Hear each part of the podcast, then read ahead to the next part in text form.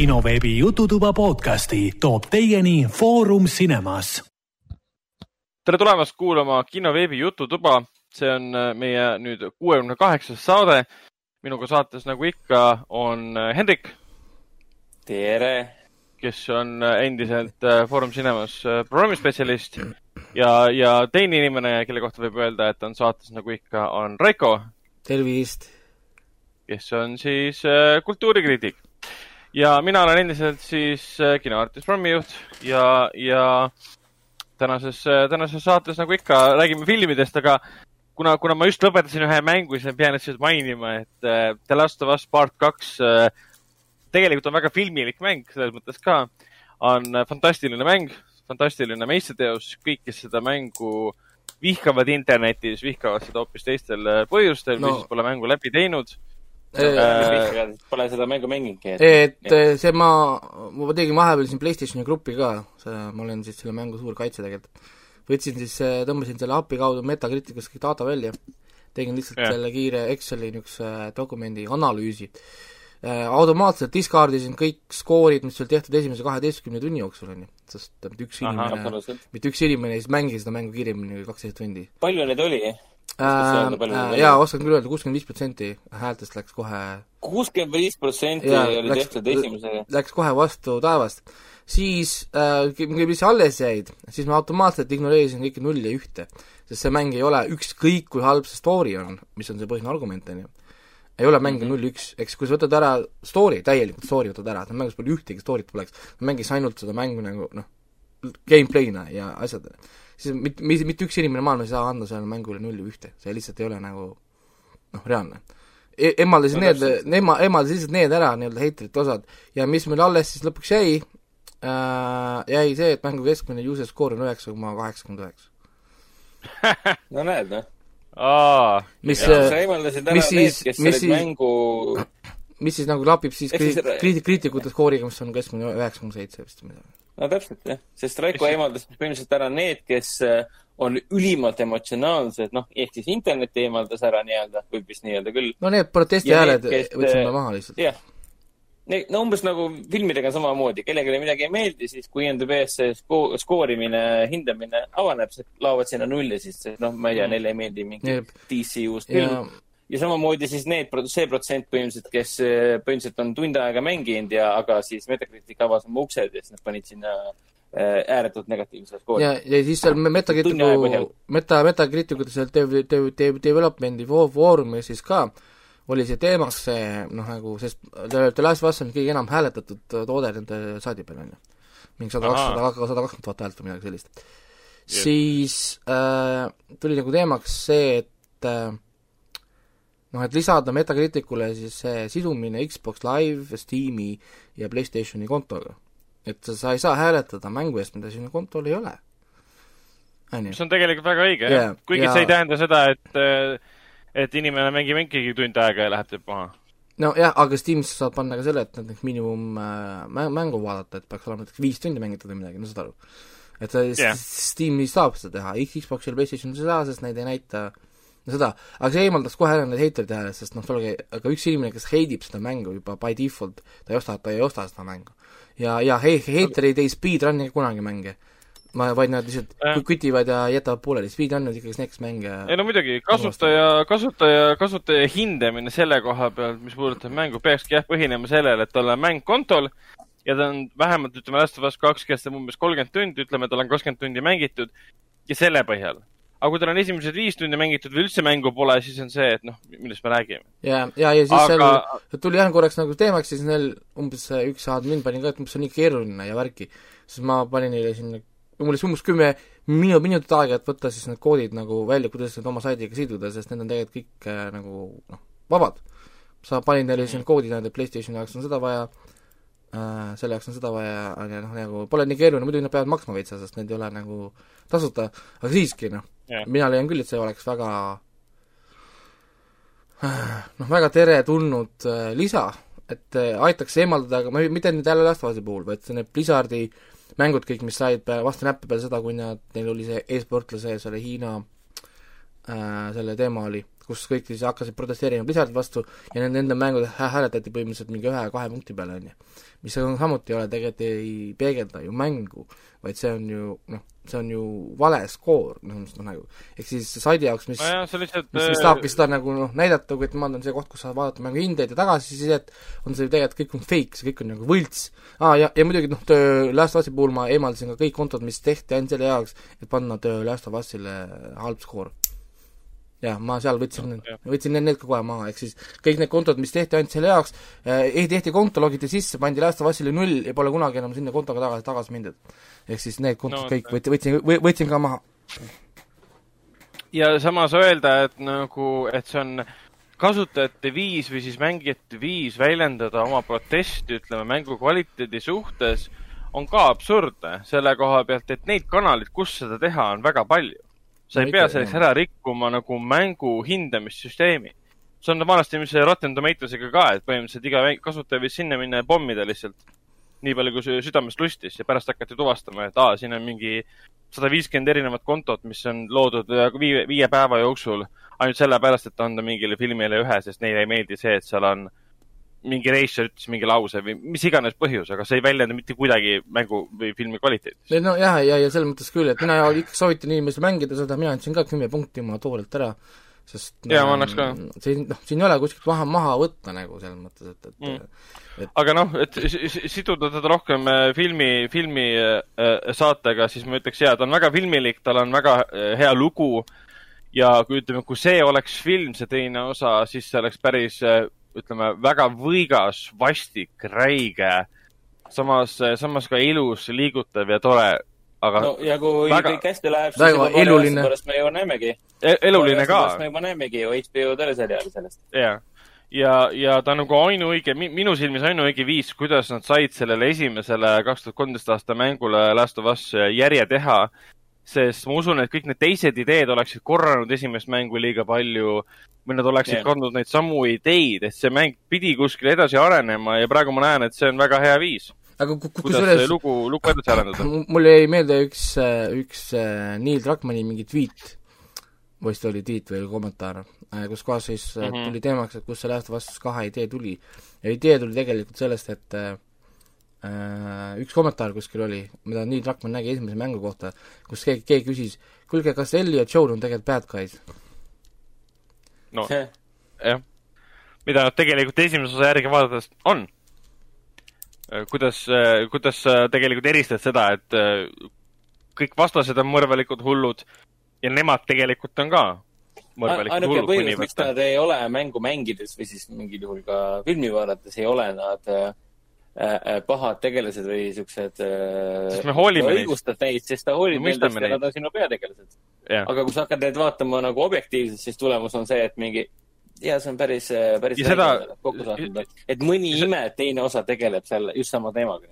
ja, ja seda nagu Last of Us kaks teeb ka väga hästi, et ta näitab äh, kõik, üritab võimalikult palju erinevaid osapooli inimlikustada ja näidata, et ei ole lihtsalt mingi must mass pahasid, kes sind ründavad, vaid nad on ka mingid inimesed, nad on kuskilt pärit, neil on vanemad, neil on soovid, neil on vajadused, ihad, sõbrad, sõbrannad, mis iganes no,. jah jah, eriti no. võrreldes äh, Naughty Dogi Unchartediga, eriti neljanda yeah. osaga, et yeah. Äh, või siis äh, Lost Legacy ka, et see, mis neljandale järgnes, et mis ma tahan öelda, on see, et see sadu tuhandeid inimesi lihtsalt kõmmutas surnuks põhimõtteliselt. ja siis on veel, oi, me oleme nii lõbusad seiklejad siin, me avastame oma perekonda ja mm. kõike seda, aga ma vahepeal tõpsin sada inimest ära, et see on, see on okei okay aga nagu tuletab meelde, et see pole okei okay. no varsti tuleb see HBO sari kunagi välja ka siis, eks siis näeme, kuidas nad seda mm -hmm. teleekraanidele tulevad vaadata. ja siis, kui see lõpuks juhtub, saame Last of Us'ist, Last of Us'ist jälle rääkida. aga liigume edasi, liigume edasi, aga enne kui edasi liigume, siis, siis äh, kinoveebi äh, Jututuba on leitav Delfi taskus, SoundCloudis, Apple podcastis, Spotify's Google podcastis ja enamustes teistes podcast'i rakendustes. Äh, aga räägime filmidest ja seriaalidest, mis me oleme vaadanud kahe podcast'i, kahe, kahe kinoveebi jututoa vahel. ja, ja alustame, alustame Raikost ja, ja tegelikult me saame rääkida kõik kolmekesi asjadest, mis me oleme ühiselt vaadanud nii-öelda.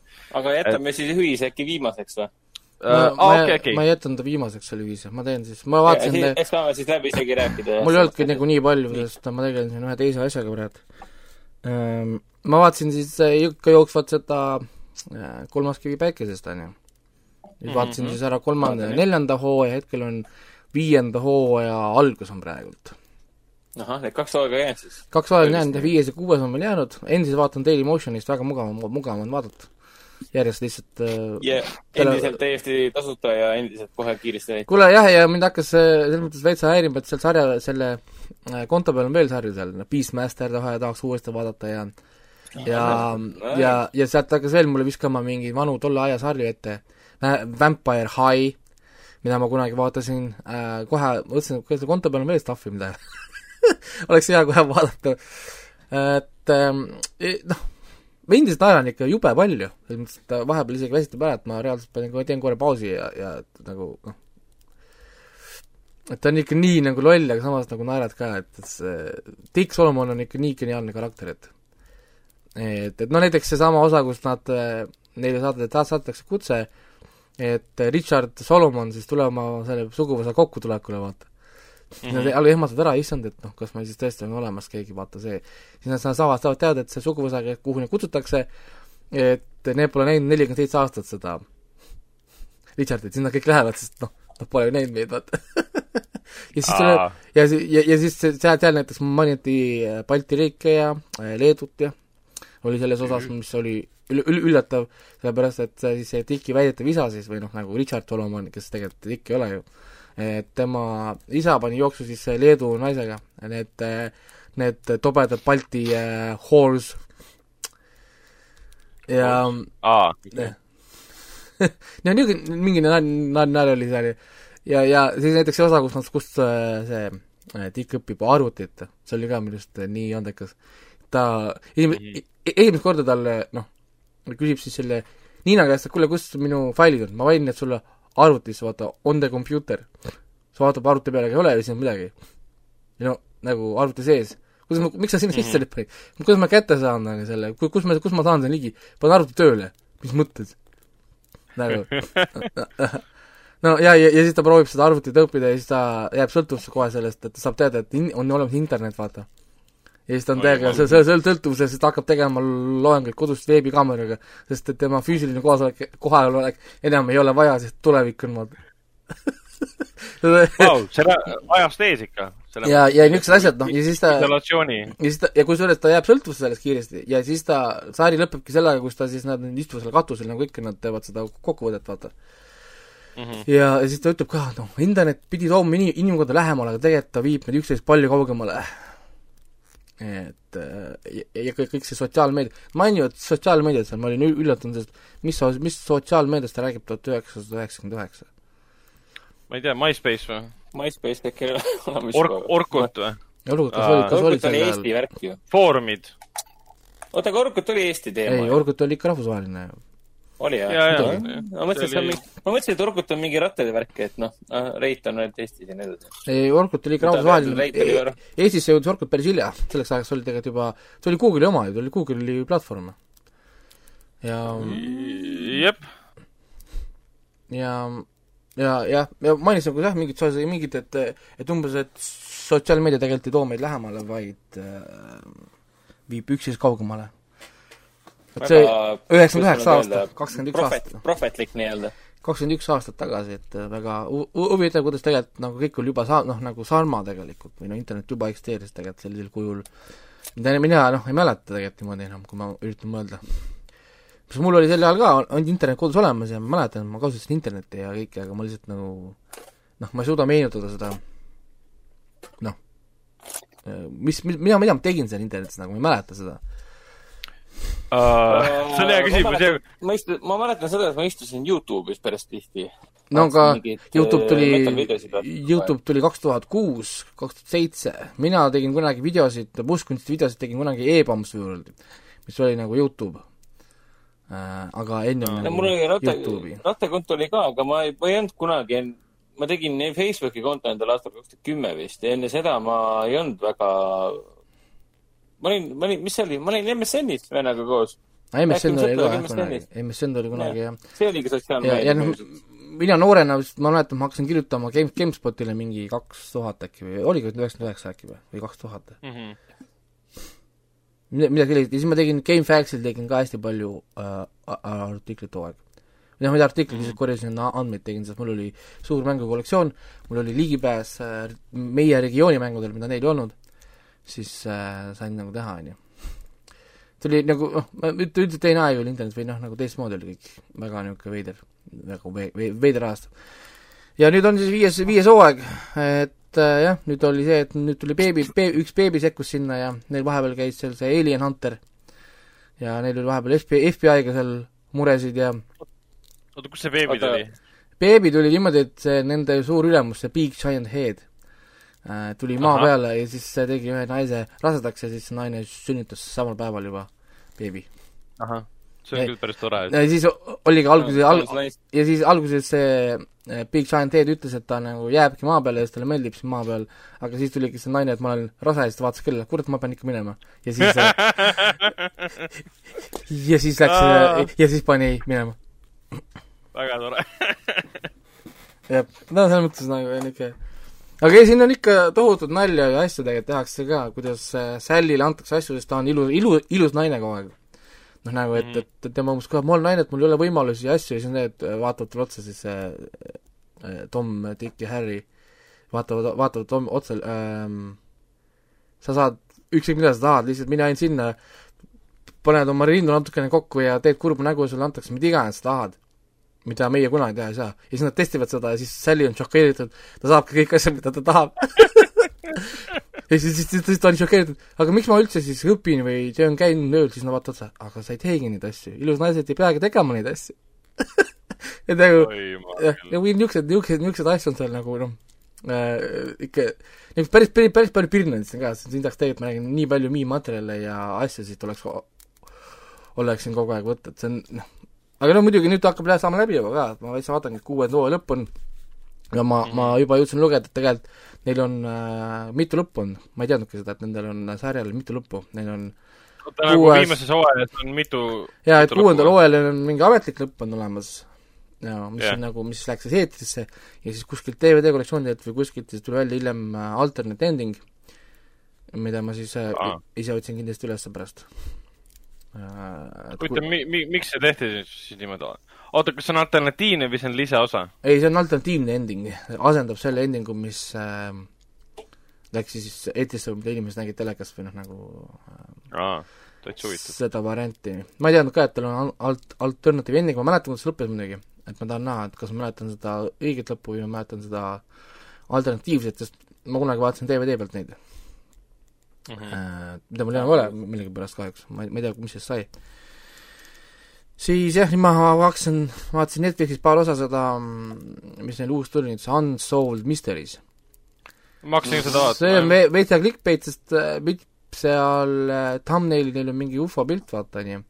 ja siis sa yeah. mõtled, mõtled, et sa saad niisugust nagu äh,, niisugust äh, paranormaalset misterit või noh, saad aru, mingit sellist asja. ma lootsin, lootsin ka seda, jah. aga ma vaatasin ära neli episoodi vist ma vaatasin, või kolm on nagu lõpuni, neljas on pooleli, tähendab niimoodi, eks kolm, kolm on põhimõtteliselt vaadatud mm. -hmm. kuus on kokku, ma saan aru.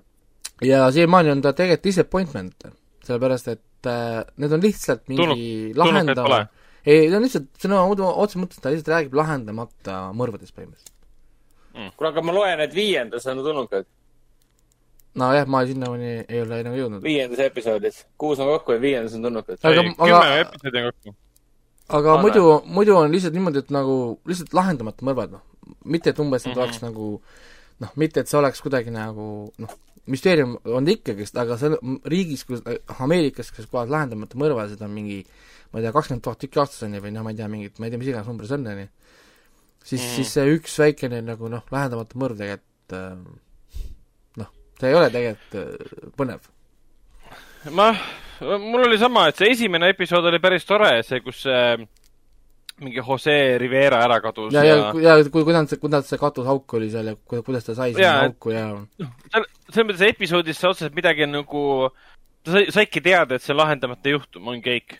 Nojah, aga, aga tegelikult sa said teada kõik faktid ja kõik siuksed asjad, et mis juhtus ja kuidas see võis juhtuda ja seal on jah kummalised elemente, et mees otsustas lihtsalt lambist ühel päeval teha enesetapu, hüpata, kus, mis linnas nad elasid, kõrgelt hotelli otsast alla ja maandus läbi siis lisahoone mingi katuse. Minnesotas kuskil vist oli või?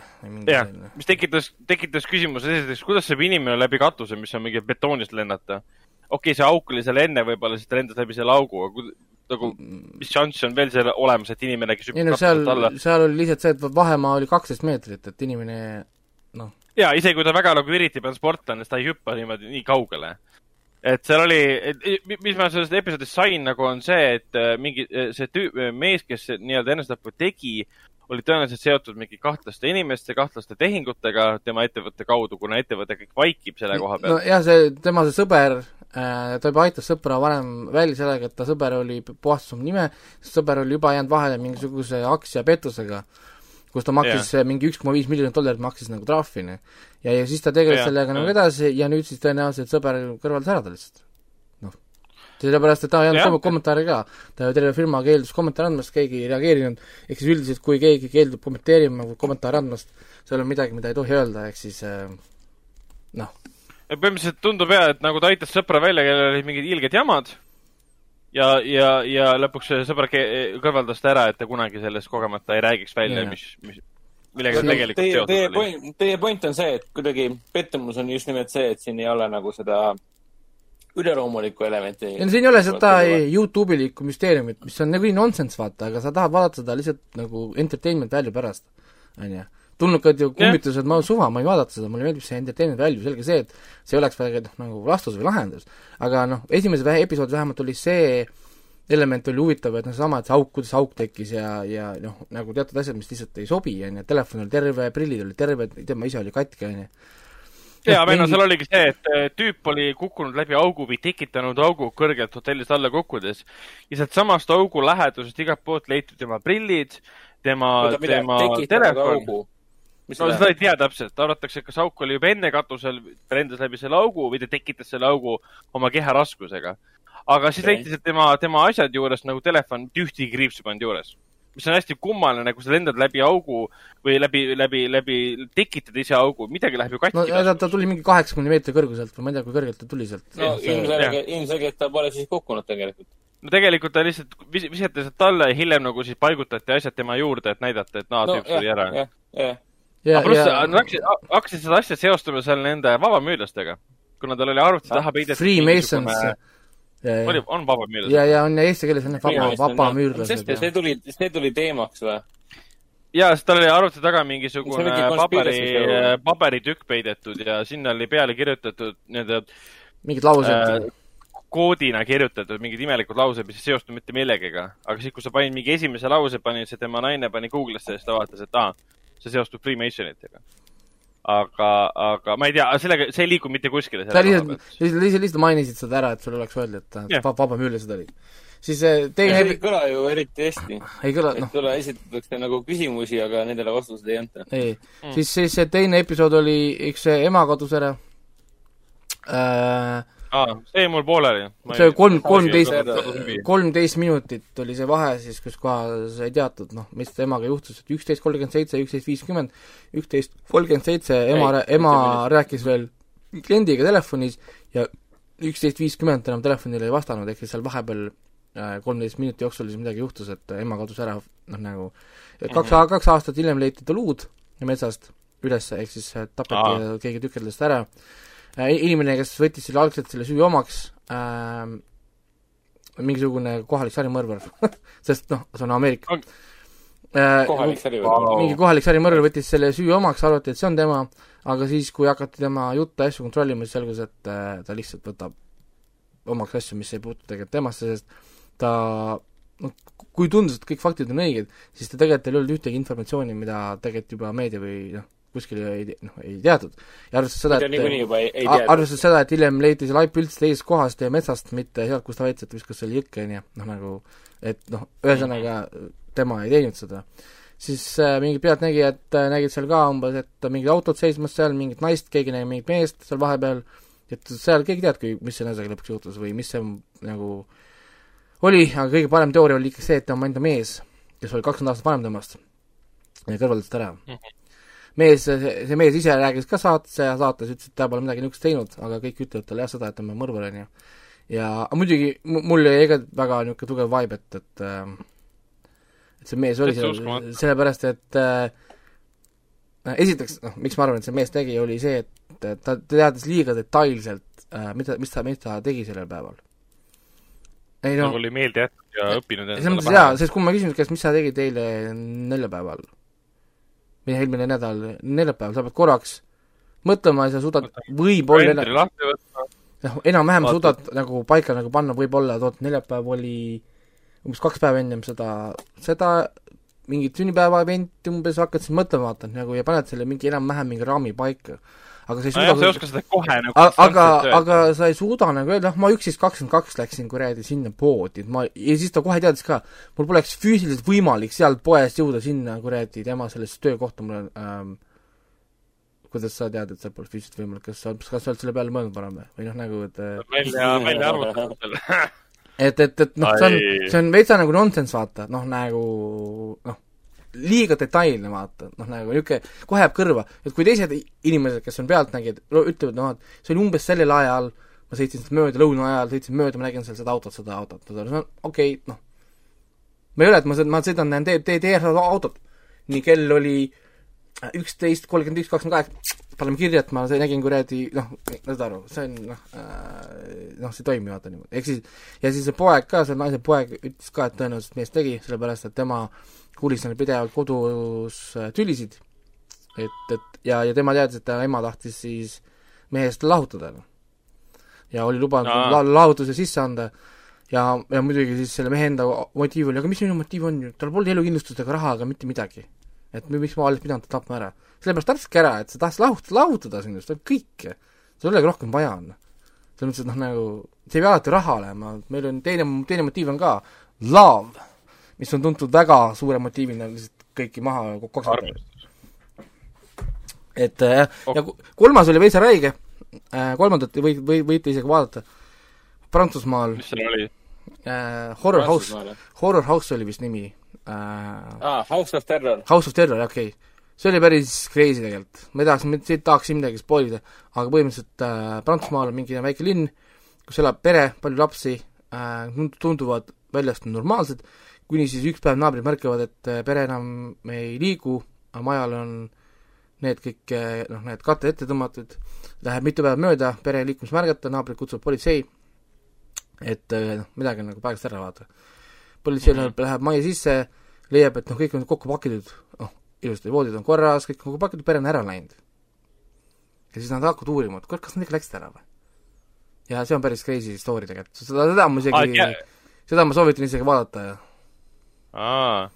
Et see on ilmselt jäetakse, jäetakse mulje, et nagu nad on ära läinud, tegelikult leitakse mingi maja keldrist mulla alt et, ja kogu perekonna see on, see on, see on päris, päris crazy story ja see on, okei okay,, siin ma isegi ütlen, et see on, see on nagu huvitav müsteerium, okei okay,, fine, selle osa ma võin neile anda, et see on niisugune nagu noh, mida mina kvalifitseerin tead selline noh, nagu müsteeriumina, kus on nii palju küsimusi nagu noh, et nagu noh, teiste puhul oli see, et sul on väga konkreetselt mingi suspekt olemas tegelikult, kuhu näpuga hakata näitama, vaata. Jaa, noh, a la mingid nagu ta-, Tiger Kingist see Carol Baskini kuradi mees kadus ära, on ju, nagu vaadake sinna poole, on ju. et, et siis seal kolmandas osas oli küll see, et no, no ma ei tea, et, et noh, midagi on, mingi, mingi oluline informatsioon on meil puudu, nagu noh, lihtsalt.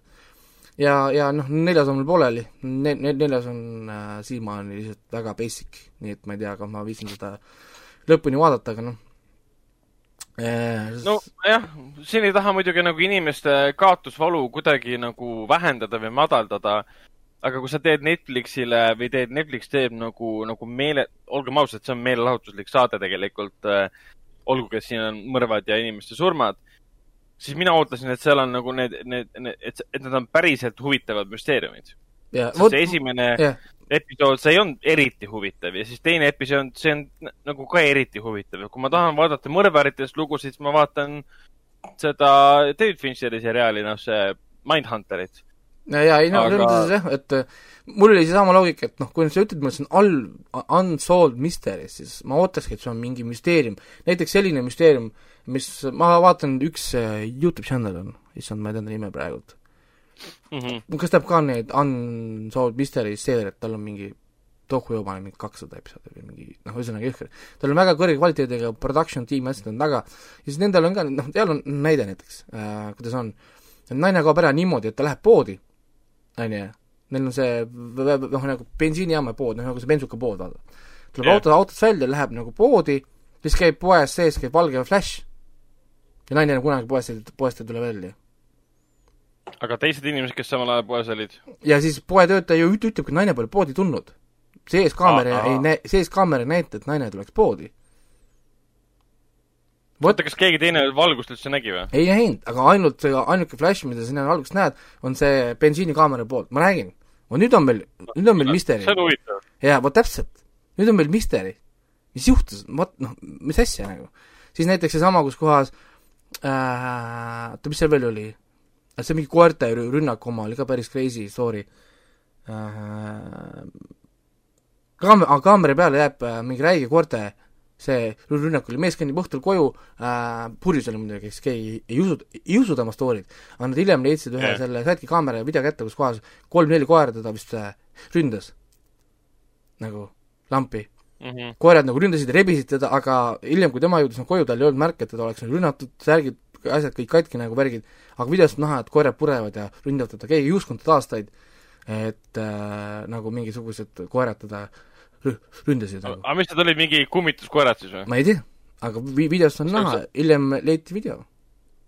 no see on põnev, see on huvitav. ei no see kohta tahaks vot rohkem teada. mina ootasin niisuguseid nagu noh, mida mina ootasin nagu sellises stiilis asju, noh, noh, niisugune nagu rohkem midagi sellist, et kui ise, kui sa pakud mulle või näiteks kun-, kunagi oli see sari Sci-Fi peal jooksis see Fact or Fake näiteks äh,, mida mida mina naisega vaatasin, meile meeldis. niimoodi, et sul oli tiim, noh nagu see sarja tegijad olid kokku pannud tiimi, endine FBI agent, private see eradetektiiv oli seal, siis see tehnikaekspert, neil oli mingi hunnik inimesi kokku, kokku vaata, pandud. Nad võtsid äh, igaüks siis äh, sarja alguses siis näitas ühte internetis levivat videot kummitustest, tulnukatest, ma ei tea, asjadest, ja, ja, ja, ja siis nad lahkasid kõigepealt need videod nagu läbi, tehnikaekspert kohe ütles, see video on fake, varjud on valed, see video on fake, on ju, saad aru, lükati kõrvale ja siis üks või üks-kaks videot, mis alles, siis nad valisid sealt välja ühe, mida lähevad, lähevad füüsiliselt koha peal uurima. kus kohas see toimus, vaata. kus iganes maailmas see toimus, sinna nad sõitsid kohale ja hakkasid seda siis lahendama. mulle, vot see mulle väga meeldis, see formaat, meeldis, see kestis kolm või neli hooaega kestis, siis see cancel ja fact or faked, kui kellel pa- pakub huvi äh,, pange Google'isse leiate ülesse. ja see oli minu arust päris nagu kihvt äh, formaat, noh näiteks äh, noh, ja, ja nad kusjuures nad suutsid päris paljudele videodele ikkagi lõpuks leida nagu lahenduse. näiteks äh, see kummitusauto oma oli päris kihvt, kuidas see politsei dashcam äh,, politsei see dashkaamera video äh, kus Mhm. kohas noh, nagu äh, mingi öine tagaajamise video, politsei dashcam, kuidas nad sõidavad ja siis keeravad nagu vasakule nagu kõrbe poole, seal on see suur metallvärav on ja politsei jääb seisma, see värav on ees, aga auto, kes on enne, ennem teda, paneb ikka edasi. et oligi jälle mingi fantoomauto. jaa, aga siis nad lähevad koha peale, nad lahendavad selle ära. saad aru, nad lahendavad Aa. selle füüsiliselt ära. täiesti, täiesti, täiesti kihvt, kuidas nad selle ära nagu lahendavad, et ma ei, ma ei spoil'i, aga see ei olnud kummitusauto. vaid lihtsalt asjade kokku, kokku, kokkulangemine oli lihtsalt perfecto ja nad suudavad seda videot täiesti replikeerida ka. eks nad teevad oma samasuguse video, täpselt samasugune video te- tekibki nagu. nii et nagu noh, jaa, et äh, mulle nii meeldis see nagu formaat ja, ma ootasin rohkem sellist, aga sain niisuguse lihtsalt niisuguse ma ei tea, nagu teledokumentaalfilmi Lahendamatu mõrvadest nagu, et, et eh, noh, ma ei tea, ma vaatan muidugi paar episoodi veel, ma tahan näha seda tulnukama, mida Henrik mainis. ja, ja noh, muidugi see Prantsusmaa on päris nagu fun. Fun ka selle pealt, et selline asi toimus nagu Euroopas, ehk siis äh, meil kodul lähedal, et ei ole enam kaug-, kauges Ameerikas, kus kohas sellised asjad toimuvad, on ju. nii et äh, samas Eesti on piisavalt populaarne tänu Nolanile, et meil võiks ka tulla nüüd mingi, meil on ka kummitusi siin igal pool ju. no kuule, siin, siinsamas minu ju juures, minu äh, paralleelklassis tüdruk ju võeti peale, hääletas, siis need äh, pa-, paar, Palberi vennad hoidsid teda oma selles äh, majas kinni, vägistasid ja värki ja? siinsamas, kus mina Aa,, mina elan, jah. pange Google'isse Pahlbergi vennad. siis saate ka, vennad. ja siis saate näha jälle Eesti oma väga toredaid inimesi. issand jumal. et äh, maailmas on neid, neid inimesi ikka küll, küll ja küll. kaks tuhat kaksteist vabanesid vanglast. Nad on väljas või, what the fuck? jaa. okei okay,, ma kaks tuhat mõtlesin, kaksteist, Postimehe uudis aastast kaks tuhat kaksteist, Priit ja Peeter Paalberg vabanesid miks vanglast. nad välja said, what the, what the heck? Nad olid äh, üksteist aastat kinni. kandsid ära kogu neile ära mõist-, mõistetud äh, karistuse. tahtsid juba kaks tuhat seitse vabaneda. enneaegselt keelduti lahti laskmast. miks nad üldse ainult üksteist aastat said, väga veider. Mõisteti süüdi vägistamises, ebaseaduslikus vabaduse võtmises, avalikus vargusröövimises. nojah, tüübid elavad oma elu nüüd. jah, aga nendega oli ka teooriad, sest siin, siinkandis tollel ajal kadus äh, rohkem inimesi ära ja peale seda, kui need kinni pandi, siis enam ei kadunud äh, noori tüdrukuid ja inimesi siit ära. ehk siis siin olidki teooriad, et nendel on üüratu mingi suur kvent oli ja et äkki on kuskil maetud, vaata. need eelmised Ah. siis, eelmised äh, need, ei teagi, mis nendest sai. oota, aga siiamaani kadunud siis ongi? kadunud jah, neid äkki, jäidki kadunuks. see viimane ohver siis nagu, kelle kaudu nad üles leiti, see on jah olemas. aga ennem seda keegi ei tea ju. aga kas nad elavad siiamaani sinu kandis või? ma ei tea, kus nad elavad, sest noh, üks, et ma mõtlesin, et ma mõtlesin, et nad on vangis, kurat. ma ei teadnud, et nad üldse vabad on, what the fuck. või noh, praegu ma vaatan, kas ma leian mingi, päris hirmus on see uh. vennad, isegi Vikipeedia on neil olemas. miks, miks, miks nad vabad on, what the heck?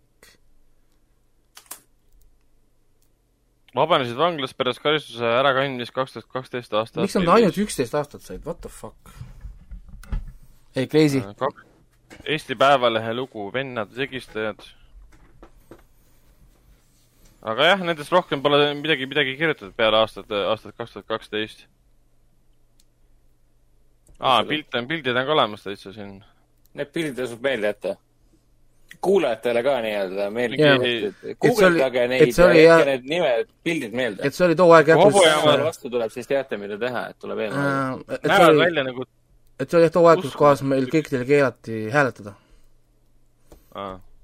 sest äh, jah, sest noh, ainuke seos, mis suudeti kadunud inimeste vahel teha, oli see, et nad hääletasid Keilast äh, siis Vasalemma ja Padise poole. Need on ilge retsi nägudega, eriti see teine.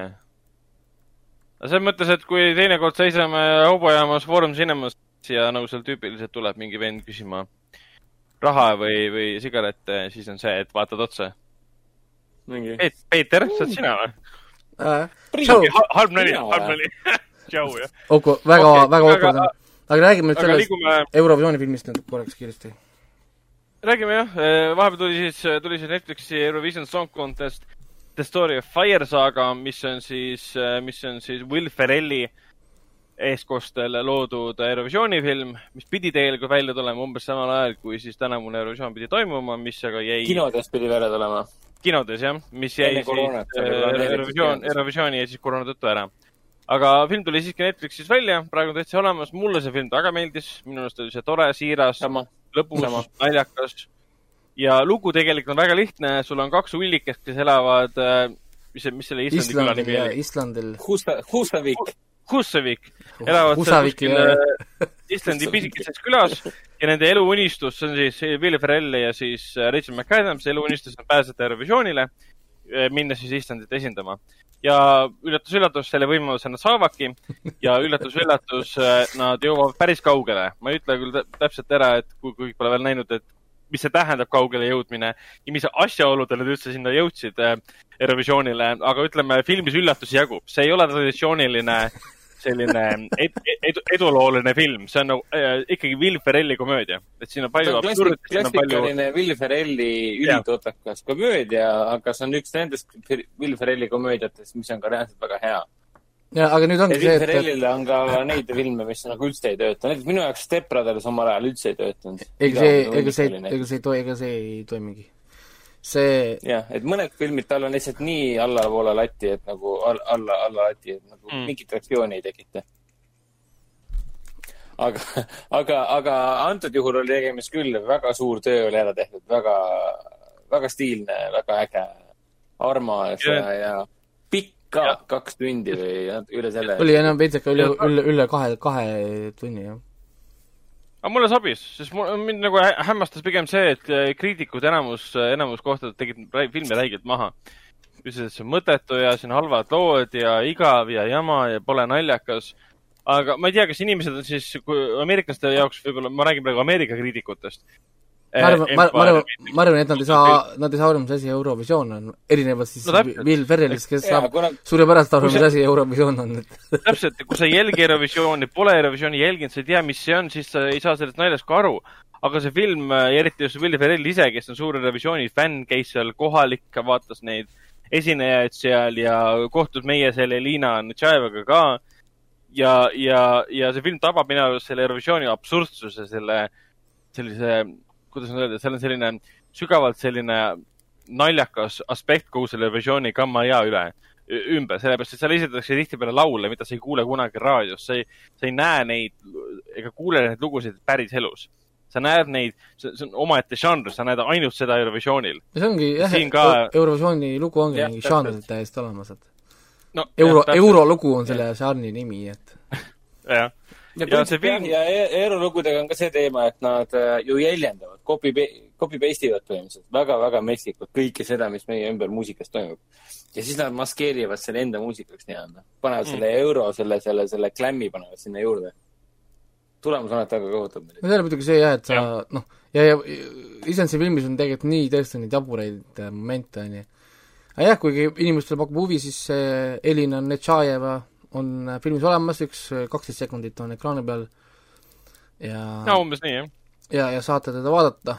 see on siis selles momendis, kus neil on siis see suur sing-along, siis äh, tuleb välja jaa, et kui, kui Eurovisiooni lauljad lähevad äh, peole, äh, see, mis finaali eelõhtul, siis nad teevad selle suure sing-alongi, kus on maagiliselt kohal kõik kõik tuntud lauljad, esinejad läbi aegade eel,. eelmised võitjad on seal ka kohal millegipärast jah, mis seal oli, Loriin oli seal, seal oli siis äh, Conchita Wurst, seal oli see Aleksander Rõõbak. Rõõbak oli ka seal, jah Port.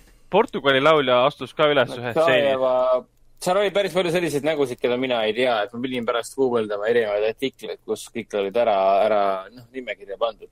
Ah, no, enamus ei. üks oli, üks oli see mingi Neta või kes see oli, see Iisraelist äkki või, võitja ka veel aga, aga tema, tema, väike naisterahvas. tema võitiski, tema võitiski sellel aastal, ehk siis sellel hetkel ta ei olnud võitja.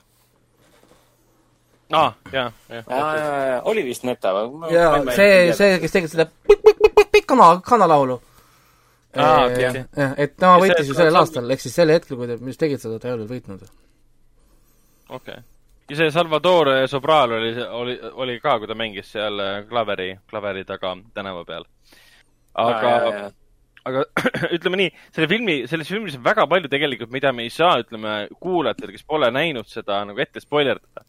siis me võime nagu mainida sõnu, et siin on, vot Islandil on haljad teemas. ja siin filmis on ka haljad. see oli nii loll. see on väga debiilne ja loll. aga see oli nii tore ja see, ja see tekitas niisuguse olukorra filmis, mida ma elu sees ei oodanud. seal oli kaks momenti, mida ma elu sees ei oodanud. üks puudutas, ütleme, laevatseeni ja teine puudutas siis seda haldtseeni, ma mõtlesin, et mida ma praegu vaatan. aga see läheb sellise, sellise, ta on nagu Eurovisiooni muljetab halja seeniga oli see, et ma pidin tagasi kerima, sest ma alguses ei uskunud seda, mida ma nägin. Hal-, hallid läksid, hallid läksid liiga kaugele kohalikud mafioosod nii-öelda. aga, aga nii palju saab ikka öelda neile, kes pole filmi Eurovisiooni näinud, et kindlasti pole tegemist paroodiaga. miskipärast paljud Eesti kriitikud ja, ja sõbrad-tuttavad ka nagu mainisid, et nad ootasid äh, paroodiat, mis on vist ka loogiline nagu järeldus või? no ikka jah, kui sa. kuulutad välja, et ta teeb filmi sellest, siis sa ju eeldad, et nagu jah, nad teevad ju, järeldab tähendab, et sa teed, no see on paroodia, loogiline mm. ja päris paljud olid väga üllatunud, et see ei olnud paroodia et ta on liiga Eurovisiooni liik, et olla paroodia. et aga see ei olnudki eesmärk, ei olnud ju? olla paroodia. minu arust mitte, minu arust oli siin täiesti nagu kahe, kahe käega oli Eurovisioon aidanud seda filmi nagu teha ka. kõik vahendid andnud selle filmi loomiseks. ja ma televisiooni korraldajad ise saavad ka aru. no siin on ja. ju see, Pierce Brosnan on ka filmis, et ärme seda siis ära no täpselt ja minu arust tegi, minu arust tegi väga tore, toreda fantastilise, fantastilise rolli ka. ja ta räägib ja, ja islandi keelt. Õigus jaa, filmis leiab küll aset Islandil, aga siin on hästi palju Islandi näitlejaid, kes räägivad inglise keeles. ja siis siin on mingi Rootsi näitlejad, Briti näitlejad, USA näitlejad, kes räägivad inglise keeles, aga aktsendiga.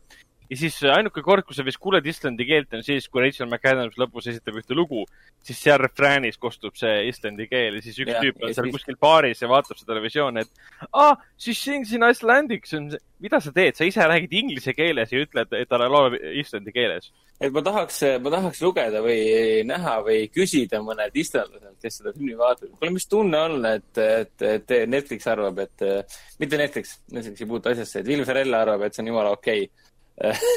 et kogu Island räägib inglise keeles. mina tean, mina No jaa, aga nad ju pannud, Nad alguses rääkisid islandi keeles, kui nad olid seal kodus, oli see Appa Waterloo äh, lugu Jaa, oli, siis nad rääkisid kõik ist- islandi keeles, kuni siis see Will Ferrell väike hakkas ise rääkima inglise keeles, et One day I want to be the winner of Eurovision Song Contest. et noh, mul on siuke tunne, et nad, et see asi oleks nagu naljakam, nad oleksid võinud selle islandikeelseks jätta, kõik, mis Islandil toimub. aga noh, ma saan aru, et noh, see on jälle see, et kui sul on Will Ferrell, Rachel McAdams, P.S. Brosnan, et noh, noh, make sense ju. Ra-, raske õpetada ka, islandi keel pidi olema üks maailma ra- raskemaid keeli ka, nii et ja, aga samas vaata, neil oli ikka ju tuntud näitlejad, kes seda Eurovisiooni, ühte, Islandi Eurovisiooni ühte tüüpi mängis, oli see Mikael ja, Pe-, Peres Brandt, ja See, ta mängis seda Money, Moneymani. Moneyman ja ta üks Hollywoodi rolle on, tal oli see, ta mängis seda karu seal Hobbit kahes, Kääbik teises osas. Ja muidu ta on väga äge Norra, mis ta on, Norra näitleja või Rootsi näitleja? Island no ongi ta on Rootsi näitleja, jah. Jaa, oma. tal on palju ägedaid filme olnud, siin PÖFFil ka on jooksnud, üks oli suure, suurepärane, see oli see Someone you love või. aga, aga kas teile ei tundu see film pikk või, pikk, pikk veitsa või? Kuskil keskel, kuskil keskel ma tõesti mõtlesin, et kui vaatasin, et issand jumal, et alles on poolfinaalid, siis ma mõtlesin, et millal ta nagu läbi saab. Aga siis ma hakkasin nagu aru saama, et aga ta ei peagi veel läbi saama, sest see on alles poolfinaalid ju. finaal peab ka tulema ju. et nagu mingis mõttes ajapikku muutus see nagu loogiliseks, et ta peabki pikk olema, sest meil on vaja ju nii-öelda Eesti laul või noh, Islandi laul on vaja ära teha, siis on vaja jõuda poolfinaalideni ja siis on vaja jõuda finaali. kõik on loogiline. aga ta tundus Ja võib-olla vähemalt ta täitis selle ära ka. seal pikk- va-, vahepeal tundus mulle pikk veitsa, et oleks pidanud kärpima seda, kui oli see noh, nagu poolfinaali ja finaali vahepealne osa oleks pidanud olema nagu lühem, et jah, no samas see andis nagu ruumi hästi palju nendel kõrvaltegelastel nagu särada, eriti see Dan Stevensi, see vene laulja, see esitas Venemaad, esindas Venemaad siis, siis Eurovisioonil ja laulis seda laulu Lion of Love, see oli minu arust lihtsalt vapustav lugu. ja pluss siin mahutasid sisse vaata kõik need elemendid, et said näidata nagu siis äh, käesoleva aasta Eurovisiooni laulude montaaži. Sa nägid seal siuke lordi koopiat, sa nägid seal mingi tänapäeva modernset aa, see kahekümne esimese sajandi häälega. viiking, see oli Islandi, Islandi laulul nii-öelda, noh, Eesti laul, Islandi laul. kahekümne esimese sajandi viiking, selline klassikaline Eurovisioon. habemikust, noh, kostüümis mees tuleb kohale ja laulab hästi kõrge perikas häälega armastusest nii-öelda. Kõik on täie nagu- Ferrell Ori- saab nii hästi aru, mida tähendab kuulge mm., ma korraks segan, Hendrik, keera oma kaamerat, sest ma ei taha, et see nuku mulle silma vaatab. Hennikul on äh, toas üks nukk, mis vahepeal pöörab, teeb silma Raikole. ja Ra- ma vaatan ka, ta lehvitab mulle vahepeal, see tekitab e Et- et ebamugavust siis, kui Hendrik ei vaata, siis see nukku vaatab ja keerab oma pead, nii et vot, aga versiooni film, jaa, see ei ole paroodia, ta ei ole halb film, ta ei ole mõttetu film, nagu siin paljud räägivad. mis on tore meelelahutus, mis võib-olla tõesti mõjub pikana ainult sellepärast, et ta, ta ei üritagi jutustada, ütleme, teistsugust lugu. sest kui ta, kui teile tundub, et see film on underdogidest, kes üritavad pääseda suurtele lavalaudadele, siis ta ongi sellest. ja mis sinna, mis sinna lo- loosse kuulub, ongi see, et tüübid kahtlevad endas, lähevad nagu iseendana esinema, hakatakse neid ümber muutma, tuleb suurushullustus peale, nad pettuvad üksteises, avastavad, et mis on siin peidetud tunded, nii edasi, avastavad siis glamuurse elu ja siis üks põgeneb ära, teine tuleb viimasel hetkel tagasi ja nii edasi, et kõik elemendid on siin olemas.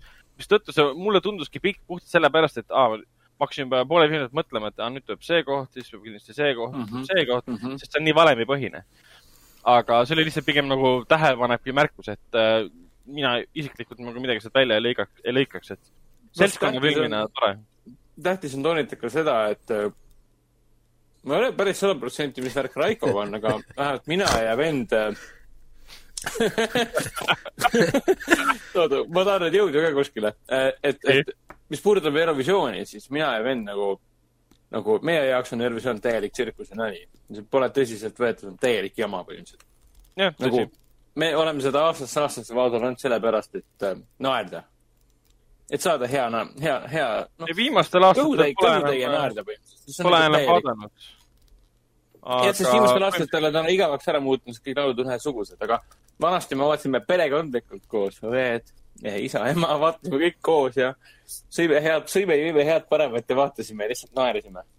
lihtsalt sellepärast vaatasime, et olla perekondlikult koos ja naerda selle tsirkusele. see oli nagu põhimõte. mm.. Kus, kusjuures sama teema. äh, mul, mul on nüüd nagu teisel ringil selles mõttes, et äh, me samuti perega kunagi vaatasime seda kõik koos, see oli fun, tegime nalja, et issand, miks need laulud seal on äh,. oli see põhiline teema, siis kui ma kasvasin nagu suureks, noh nagu täiskasvanud olin, siis ma enam ei vaadanud seda, sest mind ei huvitanud see, sest see tundus mulle absurdne, ma kümme aastat ei teadnud mitte midagi, ma ei teadnud ühtegi Eesti, Eesti lugu, mis seal oli, ma ei tundnud ühtegi eurolugu isegi ära, sest ma isegi noh, ma lihtsalt ei teadnud mitte midagi sellest. aga nüüd, kui mul endal on lapsed, siis ma olen alustanud seda ringi algusest peale. et mm -hmm. vaat-, nüüd vaatame jälle kõik koos. Ja põhiline no,, põhjus, põhjus, miks ma tegelikult seda vaatan kõik koos, on äh, sõna, ta on äärmiselt õpetlik tegelikult, kui sa nagu, ainuke põhjus, miks ma tahan vaadata, ongi see, et lapsed näevad esiteks tohutult palju erinevat muusikat, nad saavad, saavad küsida, mis muusika see on, no see on ooper. Ja mis, mis see lipp see nüüd on? see on Kreeka. Mis lipp see no, mi, jah, mis lipp see nüüd on, see on nüüd Poola. ja iga kord, kui tuleb mingi uus riik, siis äh, Reikop või keegi siis räägib jälle midagi sellest riigist, midagi ei saada aru. ehk siis tegelikult see on niisugune väga niisugune hea viis neile sellest selgitada, mis asi on Euroopa ja Euroopa Liit ja, ja nii edasi, kus meie asume nagu. ja me teeme seda siis läbi nagu muusika, et, et vahepeal jah, täiskasvanuna mul endal, enda jaoks tal küll ei olnud ühtegi väärtust, et see oligi lihtsalt mingi puhas klaunaad, mida mina kunagi ei mõistnud, miks inimesed sinna lähevad, aga nüüd, kui ma jälle nagu nüüd vaatan, siis nüüd ma oleks ise, ise ka nõus sinna esinema minema, sellepärast et kakssada miljonit inimest sind näeb ja pärast seda sul on ikka suht lihtne oma brändi edasi müüa ja edasi kaubitseda endaga kui brändiga, olenemata, kas võidad või mitte, see pole üldse oluline tegelikult, et äh, et äh, jah, Eurozoon on tegelikult äärmiselt oluline koht, et lihtsalt nagu noh, te peate, peate ka aru saama, mille jaoks ta on, et äh, Mm. et aga noh, nüüd, kui see äh, ütleme, minu jaoks kõige olulisem asi selles filmis tegelikult ongi nüüd see, et me lõpuks nagu äh, saame tegelikult aru, et ameeriklased saavad ideaalselt aru, mis asi on Euro Eurovisioon, et meil ei ole mõtet öelda, oo, teised ei mõista seda pointi, vaata. nüüd vaatad seda filmi, tegelikult, tegelikult mõistavad küll seda pointi väga hästi, see on saavad selline saavad aru. jah, õpetusfilm, õpet-, jah, õpetusfilm, näitab ära, mis vähemalt üks on Eurovisioon. nojah, muidugi isegi., kui ma lugesin seda artiklit selle filmi kohta ka, kus tegelikult Will Ferrell äh, tema enda naise kaudu, tal on ju, rootslane on naine tal vist või? Jah. jah, täpselt nii. jaa, et tema äh, oma naise kaudu sai Euro-, Eurovisioonist teada ja Will, Will Ferrell on käinud mitmel Eurovisioonil füüsiliselt, füüsiliselt kohal ka. ehk siis äh, peale selle, et nad vaatasid seda nagu iga aasta koos telekatest, asjadest, siis Will Ferrell, ma saan aru, käis vaatamas Rootsis ühte finaali ja vist Taanis või?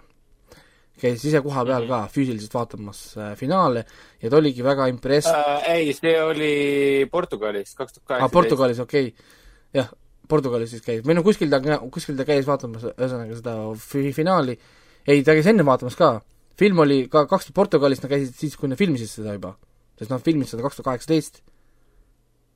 see peab, see peab, aa, jaa, aa, juba filmisid või? Jaa, okei, ei- siis no Viki, Viki vist valetab mulle, et ta Ei, muidu ütleb siin Vikipeedias, et kaks tuhat kaheksateist oleks see oli üks, üks, ta oli üks artikkel, kus ta ise rääkis sellest filmist, noh, kui ta selgitas, kuidas ta jõudis nagu noh, Eurozoonini. ja ta minu arust rääkis, et nad käisid vaatamas ühte Rootsis, mingi kahe tuhandendatel, ma ei tea, millal iganes Rootsi võitis või tegi, noh, ja siis nad käisid vaatamas hiljem Taanis. oli minu arust see, mis ta nagu rääkis. äh, finaalides ja siis ta oli nii impressed nagu ja tegelikult ütles, et ta tahtis aastaid teha sellest filmi, aga tal ei olnud ühtegi nagu kontsepti või nagu kontseptsiooni, kuidas seda noh, nagu teha, kuni siis lõpuks seal klikkis nagu ära, et aga me saame teha nii. et äh, jah, et Phil Ferrell on tegelikult väga, väga tuttav Euroopa ja muude asjadega, sest mina ei teadnud ennem seda filmi, et Phil Ferrellil on Rootsi naine Rootsi naine, et ta on mingi üheksakümne, mis ta oli, üheksakümne üheksandast aastast ta on põhimõtteliselt Eurovisiooni vaadanud koos Jah. oma naisega Jep. mm.. ma saan aru, et üheksakümmend üheksa Eurovisioon vist, see Rootsi vist võitis äkki esimest korda ja tänu sellele oli see ka väga tähtis eh, moment nii-öelda tema aga ja tema naise aga siis äkki nad käisidki siis võib-olla ka kaks tuhat võib-olla finaalis siis Rootsis või, ma ei tea, sest noh, mina, mul jäi meelde nagu, kus ta, kus ta ütleski, et et nad, ta on käinud kaks korda finaalis, ta ütles, et Rootsis ja siis hiljem Taanis. Nii et kuskil seal vahepeal Rootsi võitis ja kuskil Taani võitis ka siis. aa, Taani võitis ju see, kaks van- vanameest, see Up on the flings, ta-da, ta-da-da-da-da jaa, jaa. ma ei tea, mis iganes ma aastas mäletan. oli, jah. Kas nad mitte, kas nad mitte ma Eestis ei võitnud või? kas nad mitte Eestis ei võitnud või? kui oli see Eesti Eurovisioon endal, see kaks tuhat üks võitsime meie, kaks tuhat kaks, kes võitis, kui me oli, kui me olime Eestis? Äh, me vaatame. Kaks tuhat kaks võitis äh, Maria Naumova. aa, Läti, Läti võitis, jaa, õige Läti see. võitis kaks tuhat ja kaks, siis jah. Lätis vist Taani võitis vist oli niimoodi, okei okay.. aga igal juhul me võime vist nõustuda, et äh, aastad on möödas, Will Ferrell jääb järjest äh, vanemaks ja mingis mõttes ta vahepeal muutus nagu juba äh,, mina ei tea, minu jaoks ta muutus juba siukse valmis juba unustuse hõlma nagu, unustuse hõlma nagu varna panema juba. Aga ta, ta ikka üllatab, ta tuleb tagasi siukse pauguga ja üllatab oma, omaenda nagu loomingulisusega. see on nagu veider lausa, et seda saab öelda Will Ferrelli kohta et ta tuleb Eurovisiooni lauluvõistluse filmiga, tal on niisugune nagu taustalugu ka ja, ja ta teeb selle filmi nii siiralt, nii suure südamega ja nagu, nagu, nagu ta nii hoolivalt ka veel, mis on Jaa, nagu naljakas asi öelda. aga, aga no räägin, et seesama just, et ta tabas Eurovisiooni ära, vaata, ta ei pannud mööda selle. Eurovisiooni ponniga, et see ei olnud kordagi, et see on song contest, vaata. siin ei olnud kordagi isegi filmis ei olnud must teemat, et see on nüüd lauluvõistlus, vaid see oligi nagu Pride. see oli riiklik lihtsalt Pride, et ma saan esineda seal. no täpselt, jaa. et noh, et mul on hea meel, et sellest ei tulnud paroodia, sest see oleks äh, natuke liiga halb olnud, et mida sa parodiseerid äh, tegelikult, kuidas sa parodiseerid nagu no see ongi juba, Parodeerid. see ongi juba paroodia. iseenda paroodia niikuinii. ta juba ongi paroodia, jah. jaa. aga jah, see samuti on mõttetu, see on äh, liiga meta. no isegi see, kuidas, kuidas see hääletamise mo- moment oli vaata filmis, et oh, et me saame oma naaberriigis ikka saame punkte vaata, igal juhul, isegi keegi andis seal Islandile punkte, kellel oli, miks, mis asja? Miks te Islandile andsite punkte, te pidite, pidite meile andma ju punkte. kõik, kõik hääletavad umbes niimoodi, et mingi Hispaania annab Portugalile, vau, milline üllatus, siis Jah. Prantsusmaa annab, ma ei tea, Šveitsile, oh Vau. my god, Saksamaa, kõik on ühes kohas. Saksamaa annab Au- Austriale, Soome annab Eestile, ei oleks arvanud või? jah, no Venemaa valib ise, kellele annab, et noh, Eurovisioon ja Venemaa on osa, osa Eurovisioonist, no me, Vene Venemaa saab jah, aga selge. jah. Siis saamegi No saamegi kokkuvõttes öelda, et Eurovision, Eurovision Song Contest The Story of Fire Saga, mis on hästi huvitava pealkirjaga film muidugi, sest Fire Saga on selle bändi nimi, kus on siis Will Ferrell ja, ja Rachel McAdams lähevad siis, lähevad siis Eurovisionile. ühesõnaga, film meile kõigile meeldis, soovitame kindlasti vaadata. aga Hendrik, sa oled veel vaadanud siin kahte seriaali, kas sa tahad neist ka mõne sõnaga natuke rääkida? Äh, kutsuge ämmaemandast, ma tõenäoliselt väga pikalt ei räägi, et ma mainin ainult nii palju, et täna ma siis jõudsin salvestamise päeval jõudsin siis teise aja lõpuks äh, lõpuni vaadata. jätkuvalt äh, väga hea, väga emotsionaalne.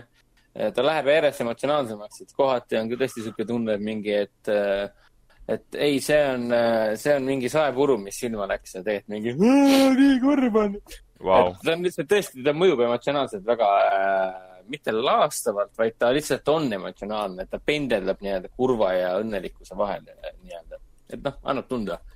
aga mm -hmm. siis ma vaatasin, et ETV vist hakkas nüüd näitama seda Agatha Christie äh, seda Kümme väikest neegrit, mis on nüüd vahepeal ju mitu korda muutnud oma pealkirja, et nüüd on sellest saanud, ma ei tea, mis ta eesti keeles nüüd on sellest äh, Kümme väikest neegrit, mis ta, mis ta nüüd eestikeelsena on aga inglise keeles on ta nüüd ju nii-öelda And then there were none.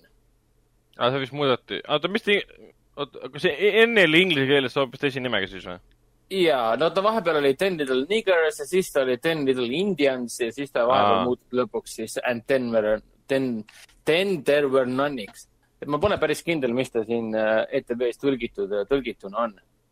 -hmm. aga igal juhul äh, ma pole, see on üks nendest Agat- Agatha Christie asjadest, mida ma ei ole mitte kunagi äh, lugenud ega näinud, nagu naljakas. huvitav, täpselt sama teema oli väga, selle, väga, väga huvitav, et sa pole kunagi ma tean jaa, täpselt sama teema, täpselt ja, ja mul oli, see on, oota, mis see, see on kolmeosaline või? ja see on kolmeosaline miniseeria, siin mängib hästi palju ägedaid näitlejaid, siin on Charles Stanton siin näiteks äh,. Charles Dance ehk siis, ehk siis ähm, Tywin Lannister, jah. jah, täpselt. ja, ja siin on Sam Neill mängib siin muidugi, ehk siis doktor Äh, Alan Grant. jah, ja siis muidugi Noah Taylor, kas te mäletate Noah Taylorit või? ta mängis äh, selles filmis, noh, ei, mäleta, ei mäleta tegelikult. igatahes Noah Taylor on tegelikult rohkem nagu tuntud sellepärast, ta mängis näiteks Predestinationis. Aa, see mees. Ethan Hawke oli ja Aa, ja ta oli ka sellest väga hea, äh. Playstationi toodetud seriaalis Powers koos äh, selle. Shutter Copliga, jaa, mul tuleb meelde. see. ja, ja siin on näiteks ka seesamune Aiden Turner, kes mängis seda Kill It või Feel It äh, seal paganama kääbikus. kes Ah. nüüd on eelkõige tuntud ju Poldarkina, mitte Poldark, kääbikuna nii-öelda. ja, ja hästi tuntud, nagu Briti näitlejad on kõik koos ja aga me ongi see, et ma ei ole, see on üks nendest Christie asjadest, mida ma ei tea, ma ei tea selle loo põhipointi. ja see on nii Mhm. põnev, et ma ei ole siiamaani seda teada saanud. täpselt sama asi oli selle Kenneth Branagh'i äh, rong äh,, et mis see nüüd oli, Ida Ekspressis või? mõrv Ida, Ida Ekspressis, mööda, et Orient, Orient Express. et kui Kenneth Branagh tegi sellest äh, uue versiooni ja mängis seal äh, liiga suurte vuntsidega ja liiga aktiiv, liiga, liiga suurt aktiivikut nii-öelda seda Hercule Poirot, siis mina, kui ma läksin seda esmakordselt vaatama, mul oli väga põnev, sest mul polnud õrna aimugi, millest rong äh, Ida Ekspressis räägib. et mingil, mingil, mingi anomaalia minu elus toimunud, et mingil põhjusel ma ei ole neid asju teada saanud. sa ütlesid jälle rong Ida Ekspressis. vabandust, Mõrv, mõrv, mõrv. rong ja nii edasi, mõrv jah. et no samamoodi on siis selle Kümme väikest neegrit ehk siis äh, And then were, And then there were none'iga. et mul on põnev teada saada, et miks kogu kontseptsioon seisneb selles, et sul on äh, palju seal oli siis, kaheksa võõrast kutsutakse ühele suurele, no tegelikult väiksele saarele ja seal väiksel saarel on suur mõis. Äh, kõik kutsutakse nagu ettekäändega, et äh, teid ootab suur pidu, aga tulemus on see, et siis samal õhtul, kui kõik saavad kokku, neid süüdistatakse läbi, läbi salvestuse nii-öelda. Neid inimesi, kes neid süüdistab, pole reaalselt kohal. Neid süüdistatakse erinevates kuritegudes, peamiselt siis mõrvades, minu meelest olid vist kõik mõrvad. et igaüks nendest kaheksast inimesest on süüdi kellegi mõrvas. et ma olen nüüd esimese episoodi sellest kolmest ära vaadanud ETV vahendusel ja see, noh, kõik on väga Agatha Christielik, et õnneks ma olen seda Agatha Christie erinevaid lugusid ikka päris, noh, Poirot'sid ja siin seda teist päris pikalt ikka vaadanud, et noh, Agatha Christie käekirja tunned ära. aga film, see sari ise on äh, väga tugeva käega valminud, ta on väga stiilne, ta on üks nendest äh, nii-öelda süngetest äh, uue sünge äh, äh, väljanägemise saanud äh, nii-öelda klassikutest umbes nii nagu ka noh, see Orient Express mingis mõttes ja noh, no ta ei olnud, eks ta oli niisugune Kenneth Branagh, Branaghi-lik äh, rohkem nii-öelda. see fi- fi- film pigem sarnanes sellele, sellele klassikalisele seriaalile, selle David Suchet'ga, et aga, jah, aga siis, kui aga- ma korra aga-, ma korra ütlen siia, et kui kellelgi pakub huvi, siis tegelikult on olemas PC peal mäng ka, Tender for None, Agatha Christie oma päris hea müsteeri. Ongi nii jah? jah, ma kunagi kirjutasin sellest, tegin äh,, üllatusmäng tuli, see oli kunagi, neil oli oma Agatha Christie seeria, seal oli Murder at Orient Express, ühesõnaga, tal mänguseeria oli, noh nagu niisugune müsteeri mänguseeria, sina pead siis lahendama nagu ära ja And Tender for None ongi täpselt nagu noh, selle raamatu nagu stiilis tehtud täitsa nagu mäng, et äh, saadki nagu mängida, no muidugi no tänaseks võib-olla natuke aegunud, on ju, aga see, noh, see ei, ei, graafiline aegumine põhimõtteliselt. Just, aga see ei tohiks vähendada seda noh, nagu story pointi, mis ongi selle kogu loo ju tegelikult ju mõte. Mhm. aa, päris äge, et on neli, neli lugu tehti siis ära, et And then there were none, Orient Express, Evil the, Evil under the sun jah, jah ja, siis ABC Murders. jah, ja vot jah, need kõik on siis point, point and click stiilis. jah, ja, ja ma tegin need kõik ära ka ähm,. kusjuures, kui ma, mul oli, mul on isegi mingid plaatid enam veel alles, see oli veel too aeg, kui arvutid plaate vastu võtsid see oli veel selles, see oli veel sellest ajast. noh, praegu võtavad ka, aga kellelgi pole enam arvutis äh, seda plaadiluget isegi.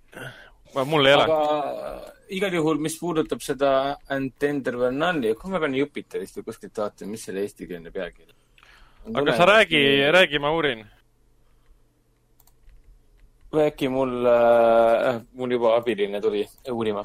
igal juhul äh, tegemist on väga hea asjaga äh,. puhtalt sellepärast ka, et on üks nendest Briti seriaalidest, mis on siuksed sünged ja hästi stiilsed ja siis kadreering on hästi põnev ja tegelased on hästi põnevad ja kõik on nii krüptiline ja müstiline, et kõik on kuidagi nagu elust suurem, aga samas ka niisugune hästi, hästi, hästi, hästi katakristlik.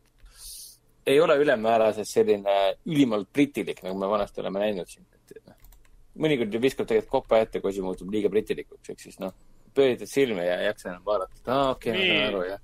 Eestikeelne pealkiri nii. on Eest... ähm, Ja ei jäänud teda ka. Ja ei jäänud teda ka. issand, kui keeruline, issand, kui keeruline nimi. kümme väikest neegrit kõlab paremini, aga noh, ma saan aru, et isegi mina ei ole selline inimene, kes tahaks nagu neeger, sõna neeger eriti kasutada. no aga see tänases, tänases saates teinud mingi kolmkümmend korda juba küll no jaa, aga tegelikult olgem ausad, sõna neeger on eesti keeles siiski bioloogiline väljend. jah, ja Agatha Christie omal ajal kirjutas selle loona, et no enamik inimesi maailmas teavad seda lugu tegelikult Ten eh, Little Niggersi nime all, nii et okay. selles ei ole midagi solvavat. aga mitu episoodi sul veel vaadata siis on?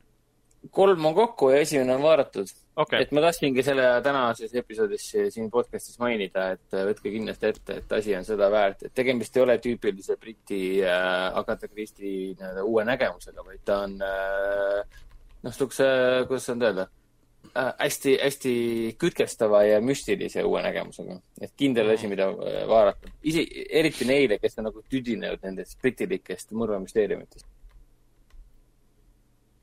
mm. -hmm. nii, aga siis, äh, siis ma ei olegi rohkem midagi vaadanud.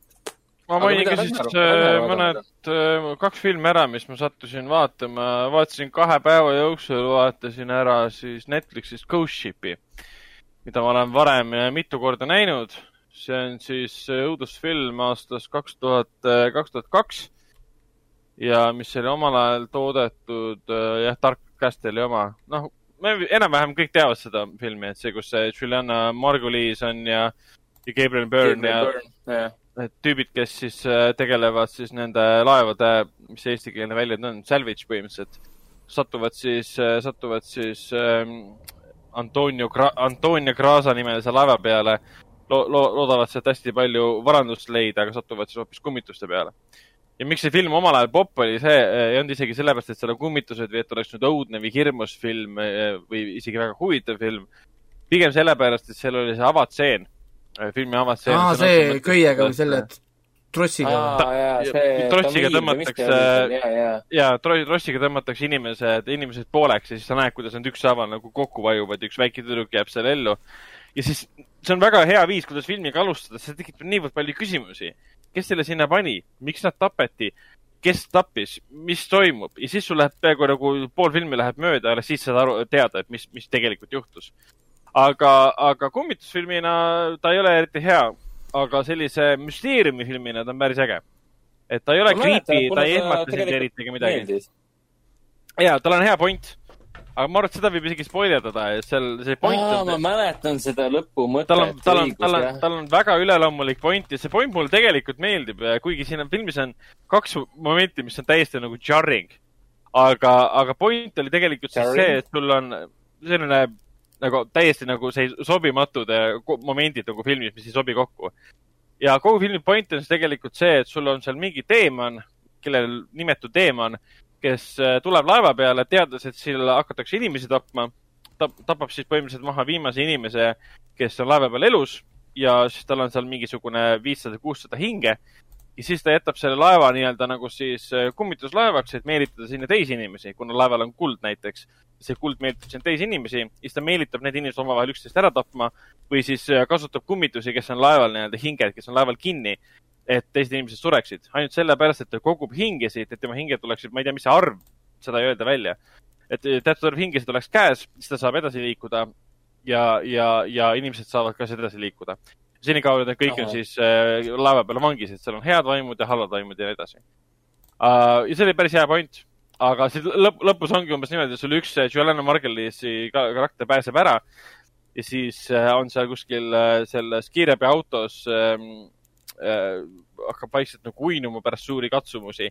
siis ta näeb, kuidas seesama tüüp, kelle ta just seal äh, laevas ära tappis, justkui laeva õhku lasi, kes on see teemann, läheb tagasi laeva.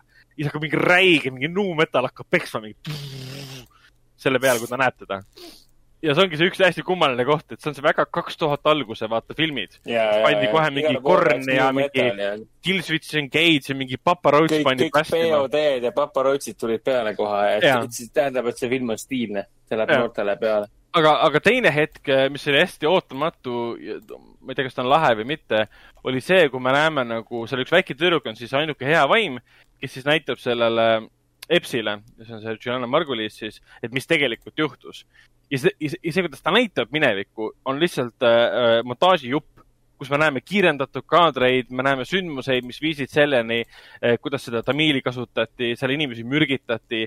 tuli välja, et seal jah, mingisugune meeskond tuli laevale, otsustas kõik inimesed ära tappa, sest teadsid, et seal on kuld, mille nad võtavad ära. ja siis omakorda meeskonnas sees reitis teise meeskonna liikmed ja lõpuks üks viimane reitis viimase ära ja siis tuli teemant tappis viimase ära ja nii edasi. aga seda kõike saatis jälle niisugune mingi väga niisugune tehniline muusika, niisugune tehno põhimõtteliselt. mingi räige tehno saatis seda. ja enne seda oli film olnud väga klassikalise õudusfilmi muusikaga, sul olid eh, kuuekümnendate muusika seal ka sees, sellepärast et see laev, eh, kuuekümne teisel aastal see laev siis nagu kadus ära. siis kõik sobis, aga siis tuli mingi räige tehno sisse, et tal oli jah, kaks tuhat alguses julged, julgete valikutega film selle et, Go, äh, Go, Ghost Shipiga mul on üks, endal üks lugu kunagi koolist me, meile anti lõpuks siis luba koolidirektori poolt äh, teha filmiõhtu mm -hmm. koolis. noh, kooliprojektorite asjadega senti peale värgid. peale pikka seda muret ja tema mure oligi, et me näitame Revati filme. Onju, siis ma, me veensime, et me näitame õutukaid, aga no me nagu ei tee midagi hullu, vaata. siis mm -hmm. esimene film, mis me peale panime, oli Ghost Ship ja siis ta nägi sedasama, seda stseeni, kus need äh, trossiga lõigati pooleks ja, ja siis ta pani kõik kinni see oli tüüpiline Hollywoodi film sama, omal ajal no,. mina siis, mina, mina üritasin talle seletada, et see pärast ei ole enam, see on ainult korraks, see moment. ei, tema, tema enam ei usu, et tema, tema juba nägi ja, ja sellist asja tema koolis lubada ei saa uh. kusjuures okay. ma mäletan ka seda, et me ju äh, venna sinuga koos läksime Coca-Cola Plazasse seda vaatama. aasta oli siis noh, kaks tuhat kaks või mis tema see aasta, mis ta kuupäev oli? seda mäletad või uh,? ma kohe vaatan. Äh, me läksime seda vaatama e, ja me olime sinuga kahekesti või? ja see point oli vist selles, kakskümmend viis oktoober. oktoober, okei okay.. ja Eestis, oota, mida, aga mulle ütleb Ghost Ship, ütleb IMDB, et Eestis see tuli märtsis. Täitsa võimalik. kaks tuhat kolm märts Eestis või? väikse, väikse, väikse hilinemisega võiks öelda. väikse hilinemisega, mis seal ikka, kino oli vist avatud ka. ma mäletan, et me läksime sinuga vaatama, ta oli vist ka, ei ka neliteist või midagi taolist keelatud alla neljateistaastasel ja meile keelduti peetud müümast, mis on tänase päevanigi äh, reegel tegelikult, aga mul on see nagu selgelt meeles, et me sinuga mõtlesime, et oo, see on nii keelatud film, lähme seda vaatama, äkki saame sisse. aasta oli kaks tuhat kaks, me olime kaheteistaastased ja siis tulemus oli see mingi, ei saa, kutsuge ei saa minge sealt temaga vaatama. aga noh, kas mu isa tahab vaadata õudusfilmi kinos lastega? pigem mitte, kuule, kes see tüdruk, kes seda tüdrukut mängib, miks ta, miks ta mingi pildi pealt ilgelt tuttav on? ta vist on. Emily Browning või? see on noor Emily Browning, jah. päriselt või? see on noor Emily Browning seda ma küll ei mäletanud. Emily Browning on siis see, kes sai eriti, eriti populaarseks tänu sellele noh, Jim Carrey sellele Lemony Snicketi filmile ja muidugi ka Sucker Punch, jah. Sucker Punchile. American Gods'is on mingi, lööb kaasa issand, kui veider, see tema on. see on äh, ootamatu. jah, ta on praegu on äh, kolmkümmend üks. Vot, aga, aga teine õudukas, mis ma vaatasin puhtalt sellepärast, et ma mäletasin seda, kunagi nägin teda, oli siis Denzel Washingtoni film äh, Fallen aastast äh, üheksakümmend kaheksa ma lihtsalt mainin, et see on üks mu, üks mu nendest äh, üheksakümnendate lemmikfilmidest. üheksakümnendatel palju teisi paremaid filme kindlasti, aga. jaa, aga ta on väga äge film, eriti lõpp. jah, Fallen on siis Denzel Washingtoni tegelikult krimifilm, mis muutub üleloomulikuks trilleriks, kus siis Washingtoni kehastatud uurija avastab, et tema siis kinni püütud ja hukkamisele määratud sarimõrvar ei ole oma mõrvu vaatamata ilmselgele surmale lõpetanud ja põhjus on ilmselt äh, selles, et selle taga on hoopis äh, teemon nimega Azazel, et väike spoiler. Aga point, point ongi selles, et ta avastab, et äh, see mõrvar, inimene tegelikult ei tapnud kedagi, vaid tema sees oli teemon, kes rändab ühest kehast teise. ja ta üritab siis oma sõpru ja kõiki teisi veenda, et, et ta ei ole hull ja kõik see. Õnneks film ei keskendu sellele, et kas ta on hull või mitte aga lahe on võib-olla see, et siin löövad nii, nii palju tuntuid näitajaid kaasa, et John Goodman ja Donald Sutherland ja James Gandolfini. ja John Goodman on siis lõpus, lõpus ka üks väga tähtsal kohal. Ja noh, Washington on lahe, ta sobib sellistesse rollidesse, on see siis mingi see Training Day, kus ta mängib tõbrast või on see Fallen, kus ta mängib niisugust eh, head, eh, toredat uurijat, kellel on selline vend, kes on natuke selline lihtne, ütleme nii aga ta on hästi niisugune positiivne tegelaskuju. ja siis ta avastab ka, et ta just, justkui tema, kuna temal on võime selle, sellele teemonile vastu astuda sellega, et teemon ei saa tema kehasse minna. See teemon liigub niimoodi, et ta katsub ükskõik, kohe selgitan. see teemon liigub niimoodi, et ta katsub inimest ja läheb tema sisse instantselt ja tänu sellele on filmis hästi palju neid stseene, mis on hästi ägedad, kuidas siis Washington jälitab teemonit, aga teemon äh, kogu aeg läheb uude kehasse ja Washington vaatab ringi, ta ei saa aru, kus see teema parasjagu asub. ja siis me näeme alati teemani sellist POV kaadrit ka, mis on selline muudetud värvidega ja nii edasi. Ja omakorda see tekitab olukorra, kus näiteks üks tegelane põgeneb selle teemani eest ja kuidas teema teda jälitab äh, äh, Philadelphia tänavatel, mis on paksult rahvast täis mm. -hmm. ta katsub järjest uusi inimesi, kes on, äh, kõnnivad nii-öelda suvaliselt juhuslikult siis selle äh, tegelase järel, üritavad teda siis jälitada ja väga andekas film, mulle ta nagu meeldib, et selliseid, äh, selliseid ähm, krimitrillereid, mis on nagu ühelt poolt äh, ütleme, politsei protseduurilised filmid, kus tüübid ähm, lahendavad mõrvu ja nii edasi, ei olegi nagu väga palju. sul on Seven, aga Sevenis ei ole üleloomulikku elementi.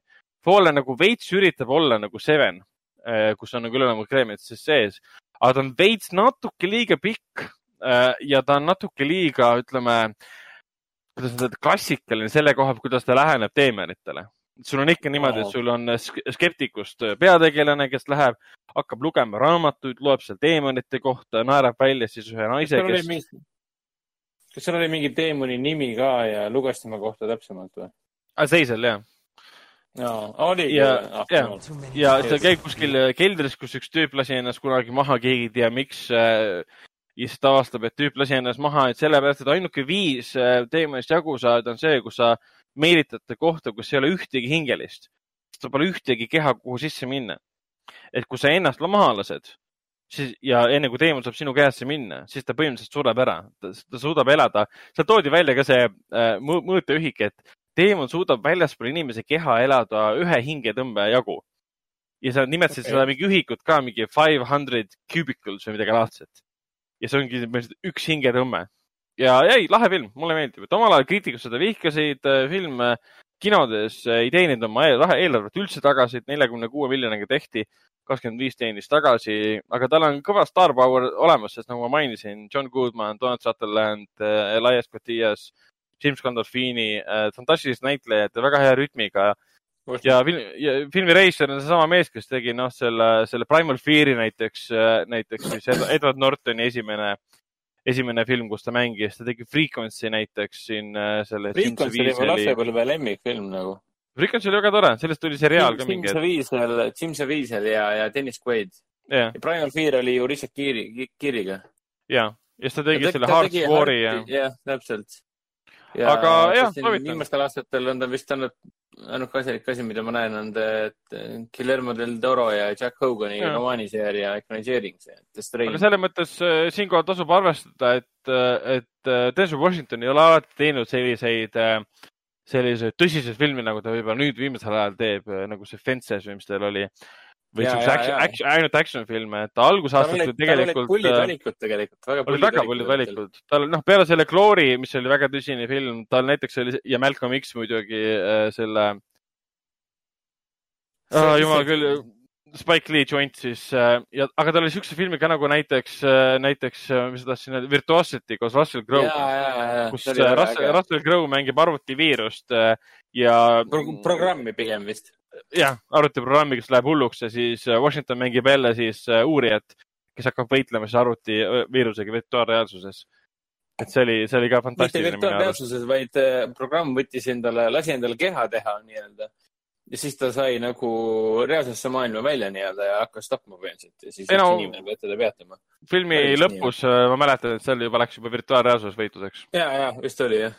Vot, aga sellega saab äh, minu, minu nimekiri läbi. Äh, liigume edasi, liigume edasi kino, kinode juurde. nüüd kolmandal juulil alustasid Eesti kinodes romantiline prantsuse fantaasiadraama Melineitsi Pariisis uus äh, Eesti film, mis on siis esimene Eesti film pärast koroonakriisi, Salmonit kakskümmend viis aastat hiljem äh,. väga äge, tore äh, ja võimas äh, reivi äh, põnevik draama, komöödia Beatid, vene komöödia äh, Hotell Belgrad ja siis Tom Hardy powerhouse film äh, Capone, mis räägib siis Al Capone'ist.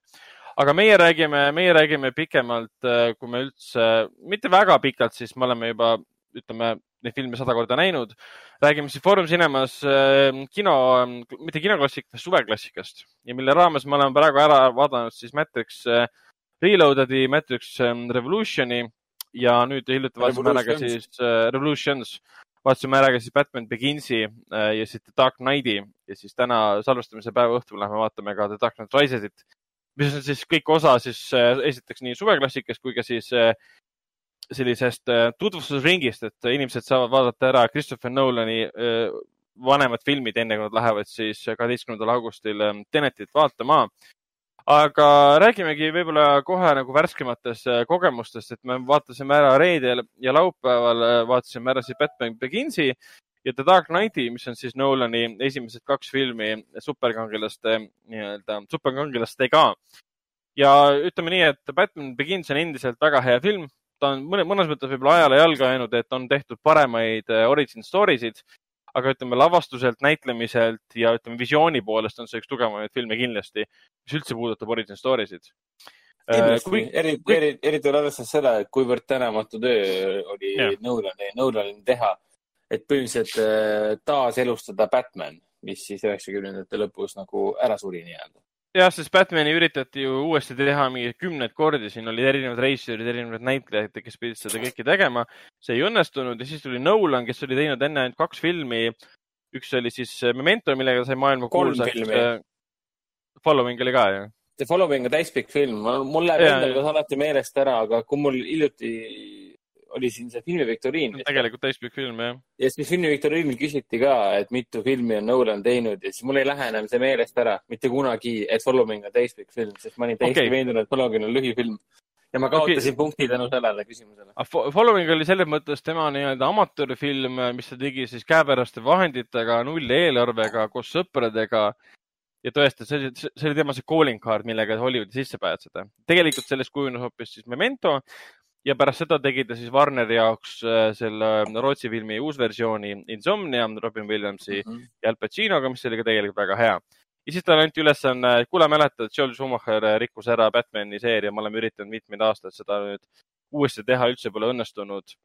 Äh, et kas sa teeksid, võtaksid selle töö enda peale ja võttiski. ja tulemus oli see, et Batman Begins ilmus ja oli väga edukas, kriitikutele meeldis. mõned aastad mm -hmm. hiljem ta tegi siis The Dark Knighti, Pimeduse rüütel mis tegi ajalugu sellega, et see purustas kassarekordeid, teenis Oscareid, seda kiideti niivõrd kõrgele taevasse, et ühtegi superkangelase filmi poleks jäänud varem niimoodi kiidetud kui seda filmi. ja muidugi põhjusega, et Dark Knighti, ütleme Batman Beginsi vaadates mul on alati meeles kõik need elemendid, mis seal nagu narratiivis, narratiivis nagu toimuvad. on see siis tema eksirännakud kuskil kaugel ja kuidas ta siis üritab äh, kujuneda selleks meheks, kellest ta lõpuks kujuneb. aga Dark Knighti puhul mul alati jääb nagu meelde, et jah, seal oli Jokker ja Jokker võitles siis Batmaniga, aga seal on niivõrd palju kihilisi narratiivelemente, see on täiesti uskumatu.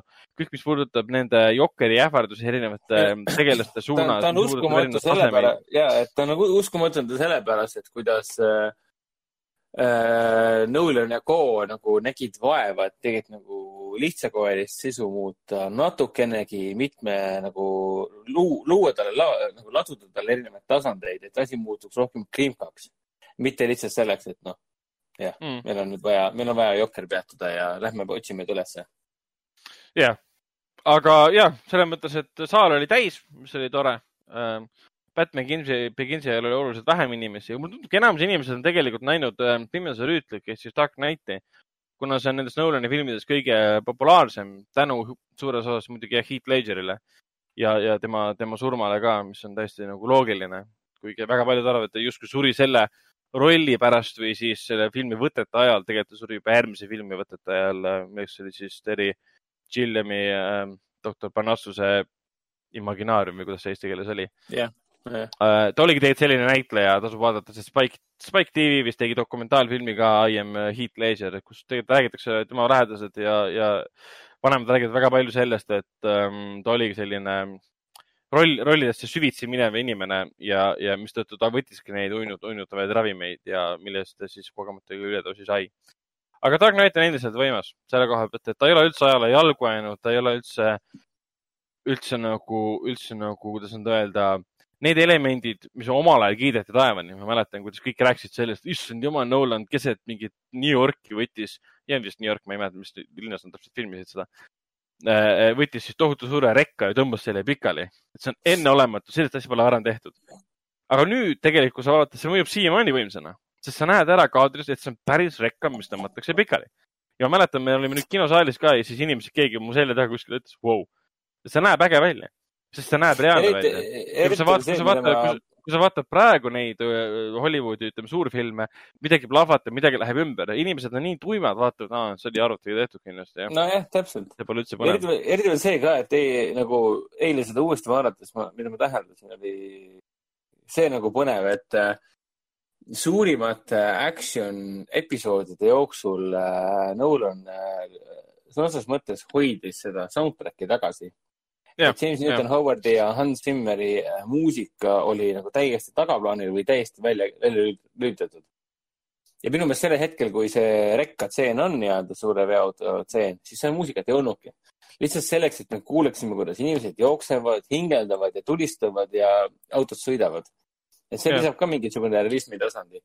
et noh, Dark Knight, eriti võrreldes Batman Beginsiga, on Dark Knight siiamaani täiesti iseseisev. sa ei pea nägema Batman Beginsi ega Dark Knight Risesit et täiesti, täiesti nautida Dark Knighti üksinda.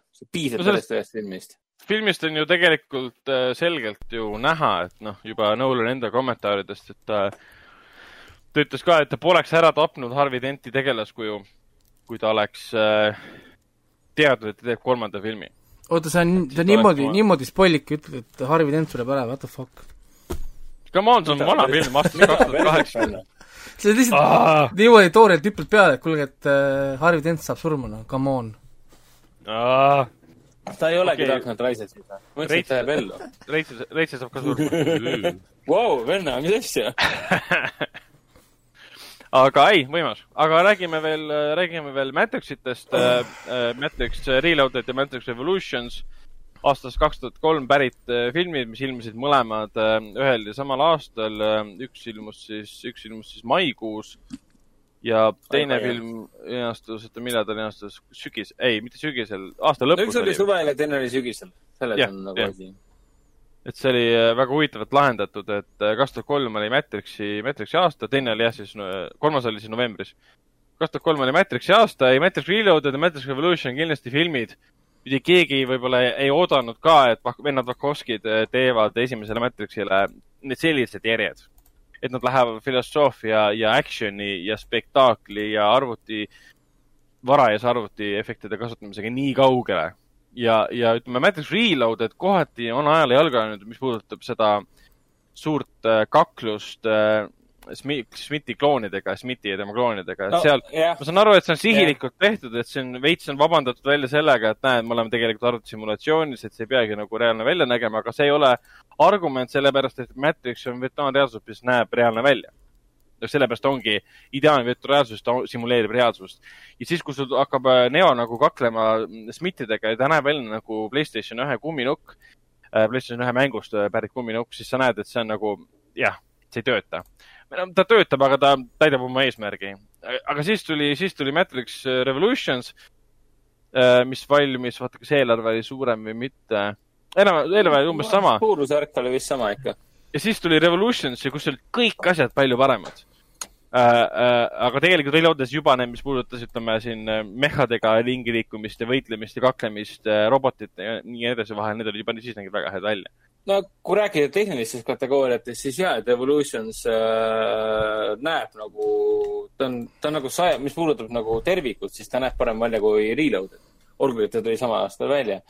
Lihtsalt Re- Reloaded oli nagu selle võrra nagu ambitsioonikam, et ta nagu püüdis äh, teha midagi, mis tegelikult vist aja või, või tehnika nappuse tõttu ei olnud tegelikult väga realistlik, aga ometigi nad tegid selle ära sõltumata sellest, et sa näiteks selle Neo ja Smithi kloonide võitluse ajal, sa tegelikult näed reaalselt seda no.. kaskadööri nägu, sa näed seda Playstation, Playstationi ke- esimese, teise, ma ei tea, millal see Playstation kaks välja tuli?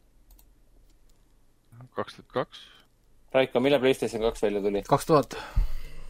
kaks tuhat, no ongi, sa näed PlayStation kahe graafikaga nagu, nagu Neod ringi jooksmas, aga see, see ei ole probleem tegelikult, sest me oleme Matrixis.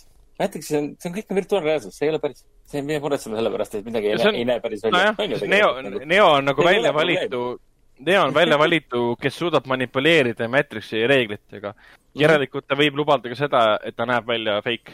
Aga lihtsalt nagu minu loogika tookord, kui see film ilmus, oli see, et kui meil on olemas Terminaator kaks, on ju, mis teeb äh, eriefekte, mis isegi täna on nagu fine, siis kuidas mm, äh, jah. Matrix ei Jah. suutnud seda teha, mis oli juba nii palju hiljem kui Terminaator kaks on ju, eks mina vaatasin alati, kui meil on Jurassic Park, meil on Terminator two, siis äh, sul ei ole excuse'is tegelikult, kui sul on raha, on ju, sul on stuudio, et, et, et miks sa ei tee, miks sa, noh, sa ei saa öelda, et meil pole tehn-, tehnoloogiat äh,. noh, vaada, vaadake sinna seda filmi. noh, ma võin, sa vaatad No, no,, vaatad vaatad, see, see ongi pigem see, et nad, see on see, et kas sa, no see on hea võrdlus tegelikult, Terminaator kaks ja seesamune Jurassic Park. et kas sa nagu, kas sa teed nagu fifty-fifty, kas üks asi toetab teisele ja nii edasi või sa püüad äh, ühe kindla tehnoloogia abil äh, luua kõike ja siis tulemus on see, et nagu sa ei, sa ei, nad ei handle'i ära seda. isegi tänapäevased filmid, no võta ka see Man of Steel nii-öelda. noh, sa ju näed ära, et on fake nii-öelda. puhtalt sellepärast, et nad keskenduvad ainult sada protsenti sellele, et me paneme inimesed lendama nii-öelda mm.. Nad on CGI inimesed, kes ringi lendavad. loomulikult on see fake. ma arvan, et Matrix Reloadediga nad tegid sama nagu vea nii-öelda. oleks võinud keskenduda rohkem nagu äh, päris inimestele. ja siis kuidagiviisi äh, luua see paljundamise efekt nii-öelda, mitte ainult sellele, et noh, okei okay,, kopeerime nad kõik siia ära ja loodame parimat, et see näeb piisavalt realistlik välja, et noh. Et ma olen nõus, et nad oleksid võinud veidi teisiti, teisiti mõelda. seal oleks saanud teha küll ja vaadates filmide eelarveid, neil tegelikult oli ressurssi, et teha ka. noh, Mhm, lihtsalt, lihtsalt, lihtsalt nagu nad, ma ei tea, mingi, mis põhjusel tulnud, et mäletan kunagi, kui see film tuli, ma olin siis mingi, ma ei tea, noh, teismeline. Ja juba siis oli see teema ja siis mina juba tookord juba näitasin näpuga, et aga meil on Terminaator, et noh, sa ei saa öelda, et, et ei saa, sa saad, lihtsalt ta ei, ei osanud või, või, või ühesõnaga mingi muu põhjus oli seal, miks, miks ei saanud, sest see oli tõesti häiris mind, häiris mind juba siis, kui see noh, see oli nii nagu veider, kõik need Smithid, on ju, need paljunemised, see, kus ta keerutab sellest, see oli kõik nägi, nägi tegelikult nii kole välja. noh, see kohe tõmbas nii eemale kuidagi või, või ei olnud seda vau-efekti. Vaid lihtsalt, noh, vaat, mis asi see on, vaata. nojah, kuigi, kuigi ma ei tea, mul vennaga oli vist pigem see, et me olime teise filmi ajal olime kaksteist ja kolmanda filmi ajal olime siis juba kolmteist. et, et noh, meie jaoks oli pigem see, et nagu, et nagu see on see, püha perse, et Matrixile tehakse järjed ja need jõuavad kinno ja ma saan neid näha. film, mida sa oled nagu Kanal kahe vahendusel nagu miljon korda vaadanud ja, ja VHS-ile salvestanud nagu TV-st et see on iseenesest nagu täiesti, täiesti, see oli, noh, ma mäletan seda tunnet, et issand jumal, Matrixile tuli järg. uskumatu. ja et noh, ütleme, mul on, mul on, mul on nende südames on nagu hell koht mõlemale äh, järjele ja ma ei ole kindlasti üks nendest, kes ütleb, et äh, järjed, et Matrixi järjed on äh, nõrgemad ja mõttetumad ja nii edasi võrreldes ma ei saa sellega nõustuda. minu meelest Matrix, Matrixi triloogia on üks suur tervik ja minu meelest Bakovskid on ikka väga palju vaeva näinud, et seda tervikut luua. Ei no noh, mina, mina selles ma ei mõttes ole, ma ei äh, saa, ma ei saa sellega nõus olla lihtsalt, et noh, see on absurdne., minul oli see, et noh, mina ei olnud suur Matrixi fänn kunagi uh,. ma ostsin Mhm. poest endale uh, DVD ja ma ostsin selle DVD, kus oli soundtrack ka. siis seda soundtrack'i Jah. me lasime ikka jõhkralt kuulasime, selles mõttes noh, meie esimese Matrixi soundtrack oli, oli ikka väga, väga awesome onju. Tuhasti sama, meil olid ka teis-, teise, teise, teise filmi särgid olid meil seljas. ja, ja, ja kusjuures äh, Matrix oli põhimõtteliselt minu jaoks äh, Rammsteini tu- tutvustav äh, film, sest noh, see lugu Tu hast on ju, oli, oli, oli põhimõtteliselt sealt mulle Rammstein nagu jõudis minuni ja kuni tänaseni ma olen väga suur Ram-, Rammsteini fänn ja ma olen selles mõttes suuresti võlgu tegelikult just Matrixi filmile selle koha pealt, on ju. ja, ja, ja noh, Marilyn Manson tuli sealt ja, ja noh, ennem seda ma ei olnud nii väga, ütleme noh, sellisesse muusikasse nagu sees, Static X tuli mulle sealt. Jah, ja, ja, ja kõik need tulid tegelikult just nagu sellest filmist tegelikult, kuigi ma ei olnud nii suur filmi fänn, ma ei ole, ma pole tegelikult üldse Matrixi triloogia nagu nii, nii suur austaja. aga no samas ma näen seda võlu küll seal, noh, miks, ütleme, inimesed seda nii väga noh, ar-, ar-, ar-, selles meie armastavad, lihtsalt no minu jaoks oli see, et mina mina olen suur peksufilmide fänn, siis peksufilmina, fännina on see väga awkward kohati, see film no.. on. jah, sest ma mäletan, et ma väiksena tegime nalja selle üle, et eh, see on üks peksufilm, kus keegi eriti pihta ei saa, sest kõik kaitsevad kogu aeg. et see on nagu veider vaatemäng mingis mõttes. no on ju tegelikult, muud ei tehta, kui lihtsalt äh, kaitstakse kõike, mis tehakse. et mingit pihta saamist, näkku saamist kui sellist ei olegi tegelikult. Et väiksena, väiksena seda vaadates, seda, selle peale mõeldes oli see väga veider nii-öelda. seal noh, loogia, loogika oli see, et kõik on lihtsalt nii head võitlejad, et nad ei saa, keegi pihta ei saa no, aga, aga no lihtsalt noh, oligi noh, see aeglus ja, ja samuti seal ei olnud löökidel seda impact'i. see on see asi, mida mina alati ütleme kak-, kaklusfilmide või noh, võitluskunsti filmide juures vaatan, on see, et kas ma tunnen seda lööki või noh, nagu kas ma tunnen seda jõudu seal taga. Siis äh, mis mind väga häirib, ütleme enamus Hollywoodi filmi juures on see, et seal ei ole nagu seda impact'i ei ole. keegi lööb, käib niisugune nagu kerge niisugune laks ja siis mees, mees teeb mingi kolm piirõusi, kukub maha, mul nagu see, et aga kust see nagu jõud tuli või noh, nagu noh, kust see power nagu tuli, siis võtad nüüd mingisuguse reidi lahti, on ju, seal mees lööb nagu küna, künanukiga näkku, sa tunned seda läbi ekraani, mingi kraks käib kuskilt, kaamerad värisevad, vend kukub maha, on ju, hoigab seal, selge, et vend sai väga, väga haiget ja tõenäoliselt see kaskatöör saigi vastu, vastu hambaid, on ju. et noh, nagu ma tahaks nagu sellist asja, et noh, nagu ütleme, kui on ju, kui sa tahad teha nagu filmi, kus on selline kaklemine või noh, see asi, see oli see, mis oli Matrixis puudu. kogu aeg oli, et ei, isegi see tseen selle Morpheuse ja Neo vahel, kus nad seal selles dojos seal äh, esimeses e- filmis. esimeses filmis kaklevad ka, seal ei ole tegelikult löök, noh nagu löökidel jõudu. kui sa vaatad seda, uuesti seda stseeni, kui nad üksteist nagu pihta löövad või üksteisele saavad nagu pihta, seal ei ole ühtegi nagu, nagu impact'i ei ole, ehk siis nad lööksid nagu patju või noh, nagu noh, saad aru, et ei ole seda power'it seal tunda. noh, et, et ta saaks nagu vastu nagu noh, nagu noh, nagu noh, nagu pead ja, ja selle jaoks ma arvan, et nad oleks pidanud tookord leidma mõne teise inimese, kes oleks osanud seda teha, sest samal ajal nad muud märulit nad os- oskasid teha, tulistamine oli paigas, igasugused tagaajamised, mingid, kõik muu oli neil paigas, lihtsalt nad ei osanud teha minu arust neid kak-, kak-, kak-, kaklusstseene nad ei, ei su- suutnud teha. et Jah. ja., minu nagu mure, mure, mure selle võib-olla tõesti. aga noh, ütleme ütleme niimoodi, et eh, mina, mina olen üks nendest, kes ei väsi mitte kunagi äh, kaitsmast neid äh, kahte, kahte viimast filmi selles seerias. et nad on, nad on lihtsalt erilised. et ütleme nii, et võib ka vist nii öelda, et selle, selle sarnaseid filme nagu pärast seda nagu väga pole nagu tehtud. tõsi Noh., see, seda, seda võib küll vabalt öelda, et neid Matrixi no, a- filme ei ole eriti. no, no nii suurte absurdsete, absurdselt suurte ideedega, idee, ideega, ideega filmid nii-öelda, kus, kus lihtsalt nagu käib räme tagumine ja siis käivad mingid rämedate suurte ideede tagaajamine. Mm. ja lõpuks mõtled, et nagu mida perses siin üldse toimus. et noh, oota, kas see see, Nolan siin teeb jah oma Interstellari ja lõpuks kõik mõtlevad, mis värk on. kas see Neo sai surma lõpus või? ta jäi ei maha või no? põhimõtteliselt, see on, see oli ambivalentne lõpp, keegi ei tea täpselt, kas ta sai surma. tegelikult ei ilmselgelt tea mitte, sest Keanu Reaves on ju tagasi kaks tuhat kakskümmend kaks ja Matrix neli. ja me ei tea, kas see on eellugu või mitte, aga ne- kolmanda osa lõpus me näeme lihtsalt seda, et ta kukub kokku pärast seda, kui ta võidab ära siis, võidab ära siis Smithi Nii. ja, ja siis äh, masinate, boss, masinate jumal viib ta ära. on kõik, valguse kätte. et kas see tähendab seda, et ta on surnud või see tähendab seda, et ta lihtsalt viidi kuskile vangikongi. kui väga tahta, siis nad saavad ükskõik eh, mis põhjenduse leida ja see on piisavalt loogiline, et tuua ta tagasi. kuna lõpp jäi selles mõttes lahtiseks, et me ei näinud tal pea ja, ja otsas, et tal oli küll jah, mingisugune niisugune, kui ma nüüd mõtlen, vist oli jah, mingi niisugune, jäi asi natuke lahti seal. et, et meelega vist Aga- tegid, et, et saaks teha järgi, kui on vaja.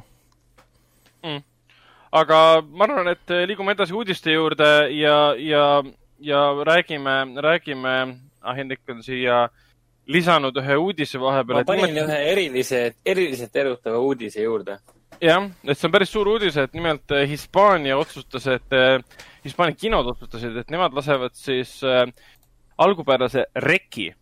Ma kohe selgitan, mis see rekk on, kui mõned eh, meie kuulajad ei tea, lasevad uuesti kinodesse. rekk oli siis äh, käsikaamera film, mis oli üles võetud siis uudise äh,, uudisteankru kaameramehe poolt, kes filmis siis oma uudisteankrut, kui nad läksid äh, ühte kortermajja äh, sealset mingit äh, kaost filmima ja avastasid, et hoopis seal on äh, zombilaadsed olendid, kes inimesi jälitavad. ja, ja tegemist oli siis kahe tuhande, kahe tuhande seitsmenda aasta Hispaania filmiga, mida loetakse siiamaani üheks kõige edukamaks ja samas ka kõige parim, paremaks, kõige paremaks äh, äh, found footage ehk siis nagu see nii-öelda käsikaamera filmi žanri esindaja. no ta on loodud nagu filmina, et kus on nagu materjal hiljem leitud ja siis on nagu kokku monteeritud, et äh, oleks vaadatav, ütleme nii. ja, Aga kuna selles- samas, kuna REC midagi ei öelda, ei ütle mõnele meie, meie kuulajale, siis Quarantine äkki ütleb, sest ameeriklased tegid paar aastat hiljem oma versiooni. jah, Äh, seda äh, selle tehti järg ka, kui ma ei eksi, mis oli ka päris halb. Aga sõnum on oli- kedagi ei koti see remake nii-öelda. Rex sobib väga hästi praegu Hispaania kinodesse puhtalt sellepärast, et see, kuna koroonaviirus on praegu maailmas endiselt enim räägitum asi ja Rekis on sõna otseses mõttes levib üks haigus äh, kortermajas ja inimesed pe- peavad selle haiguse eest põgenema. ma ei ütle ära, mis see täpselt on, see on päris andekas, andekas lahendus. Reki filmidele valmis, Reki filmile valmis siis kolm, kolm järge. Rek kaks, mis oli otsene järg, mis põhimõtteliselt leidis aset täpselt samal ajal, mil esimene film, millest oli väga andekas. Rek Mhm. kolm, mis ei ole seotud ühegi osaga seerias, seal on lihtsalt keset pulma hakkavad, hakkavad, hakkab haigus liikuma ja Rek neli, mis on siis teise, esimese, teise otsene järg ja lõpetab ära kogu selle seeria Jah. vot, aga liigume edasi, liigume edasi, meil on kaks videomängudega seotuvat uudist, mis ainult on väga sobilik, sest me alustasime seda saadet ka videomänguga. et äh, My Friend Pedro nimeline videomäng, mis lasti välja nüüd kaks tuhat üheksateist, eelmisel aastal, ma seda mängisin ka, see oli Devolveri poolt, see on väga vägivaldne videomäng, mis on külgvaates platvormikas, mille eesmärk on põhimõtteliselt võimalikult akrobaatiliselt aegluupi kasutades vaenlasi tappa. Muud aga kes midagi. see Pedro seal on siis? Pedro on Pedro., Pedro on banaan, kes räägib peategelasega, kellel on kasimusk. oota, mida? mis sulle segaseks jäi? et sa oled inimene, kes siis külgvaates nagu, mis ta on, kaks koma viis D platvormikas jah nii-öelda?, jah, tal on sü- 3D sügavus olemas, aga ta on. ja sa, ja sa. vahepeal, vahepeal ja, ja sinu parimaks sõbraks on Pedro, kes on banaan või?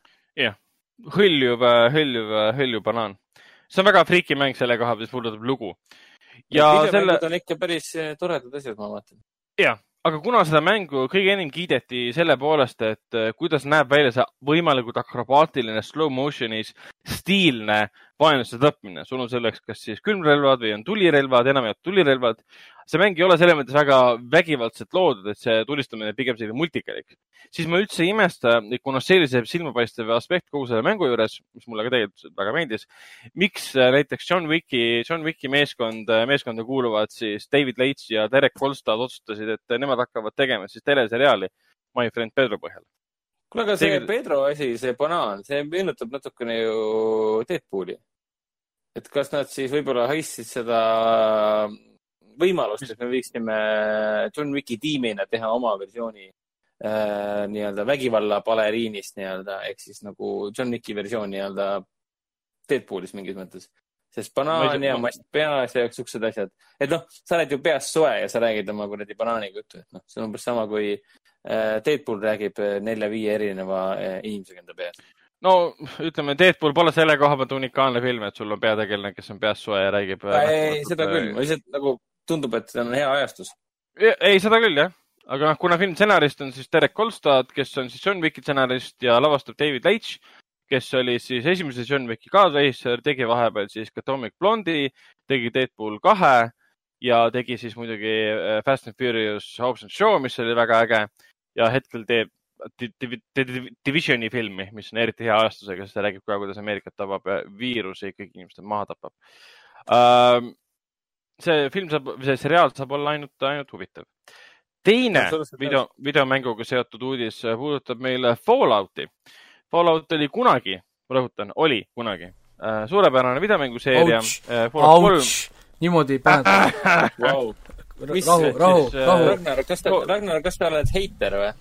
ei, ma ei ole heiter, ma, ma, minu arvamus ei tähenda midagi, Todd Howard istub, Todd Howard istub kodus ja, ja, ja pühib oma dollaritega pisaraid praegu aga põhimõtteliselt jah, Fallout oli kunagi suurepärane seeria, Fallout üks ja kaks on klassika, Fallout kolm mulle ka väga meeldis, New Vegas mulle väga meeldis, Fallout neli oli väga no, okei okay., lõpuni viitsinud teha, sest ta oli liiga tühi selleks.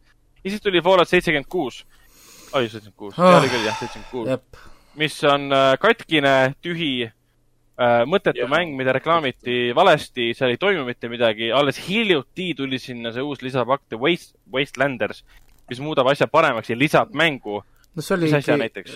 Oli... arvuti juhitud tegelased. Fallouti seitsmekümne kuuendast osast, seitsmekümne kuues osa, Fallout seitsmekümne kuuest eemaldati arvuti juhitud tegelased. ehk siis sul polnud mitte kellegagi suhelda. Fallouti seeria oli tuntud selle poolest, et sa kohtusid huvitavate karakteritega, kelle kaudu jutustati lugusid. Seitsmekümne kuus seda polnud, sest eesmärk oli teiste mängijatega koos nagu oma lugu jutustada. aga see, noh, see oli väga igav, tuli välja, et see ei, ei töötanud. igatahes, miks ähm ma nii palju tahtsin, nii palju tahtsin öelda, et Falloutis ma olen mänginud Fallout kolm, New Vegas ja neli. olen siis ise mm, -hmm. ise ära, ära teinud, mina esimesi kokku ei puutunud, ma kolmes siis äh, noh, nii-öelda liitusin seeriaga seitsekümmend kuute mängisin umbes kaks, kaks tundi ja siis ma loobusin, et ei olnud pointi. jah, ei mul oli, mul oli sama, ta oli lihtsalt igav ja nii liikuda ühest kohast, ühest kohast teise ilma ühegi selge motiivita ja katkises mängus ei olnud üldse põnev ega huvitav.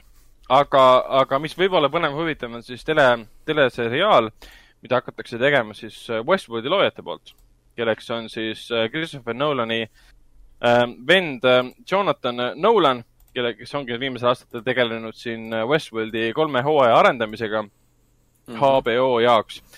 ja ta on seda teinud siis koos Lisa Joy'ga ja nemad kahekesi hakkavad siis tegema Fallouti põhjal teleseriaali mis on huvitav, see Fallout on niivõrd populaarne äh, äh, äh, nagu selline bränd ja sellest pole siiamaani tehtud ühtegi, ühtegi täispikka mängufilmi ega muid äh,. Samas on ka äh, veider ka, et Westworld on nagu täiesti unikaalne nagu niisugune mind-bending äh, seriaal. et nagu tegelikult, ma saan aru, et Falloutis on need suured pöörded, sisulised pöörded olnud, mis tekitavad küsimuse, et vau wow,, kuidas see võimalik on.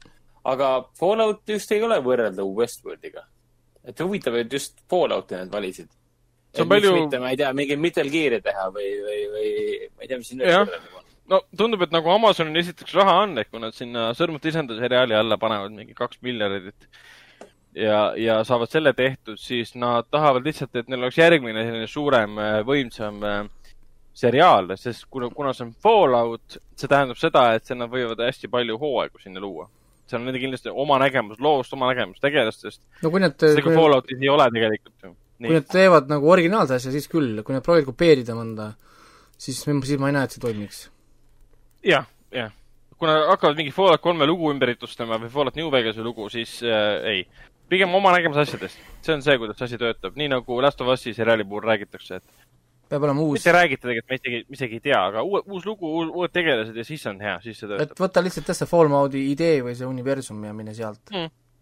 see vaata, kui suur see maailm, see on ikkagi nuclear holocaust on möödas, mingi kakssada aastat on inimesed elanud voltides kinni, tulevad lõpuks välja, avastavad täiesti senitundmatu maailm, hakkavad sedasi vaikselt asustama nagu ikka lähevad inimesed hulluks, hakkavad seal looma erinevaid kultuseid, uusi religioone, uusi valitsuseid, hakkavad teisi inimesi rõhuma, tekivad erinevad osapooled.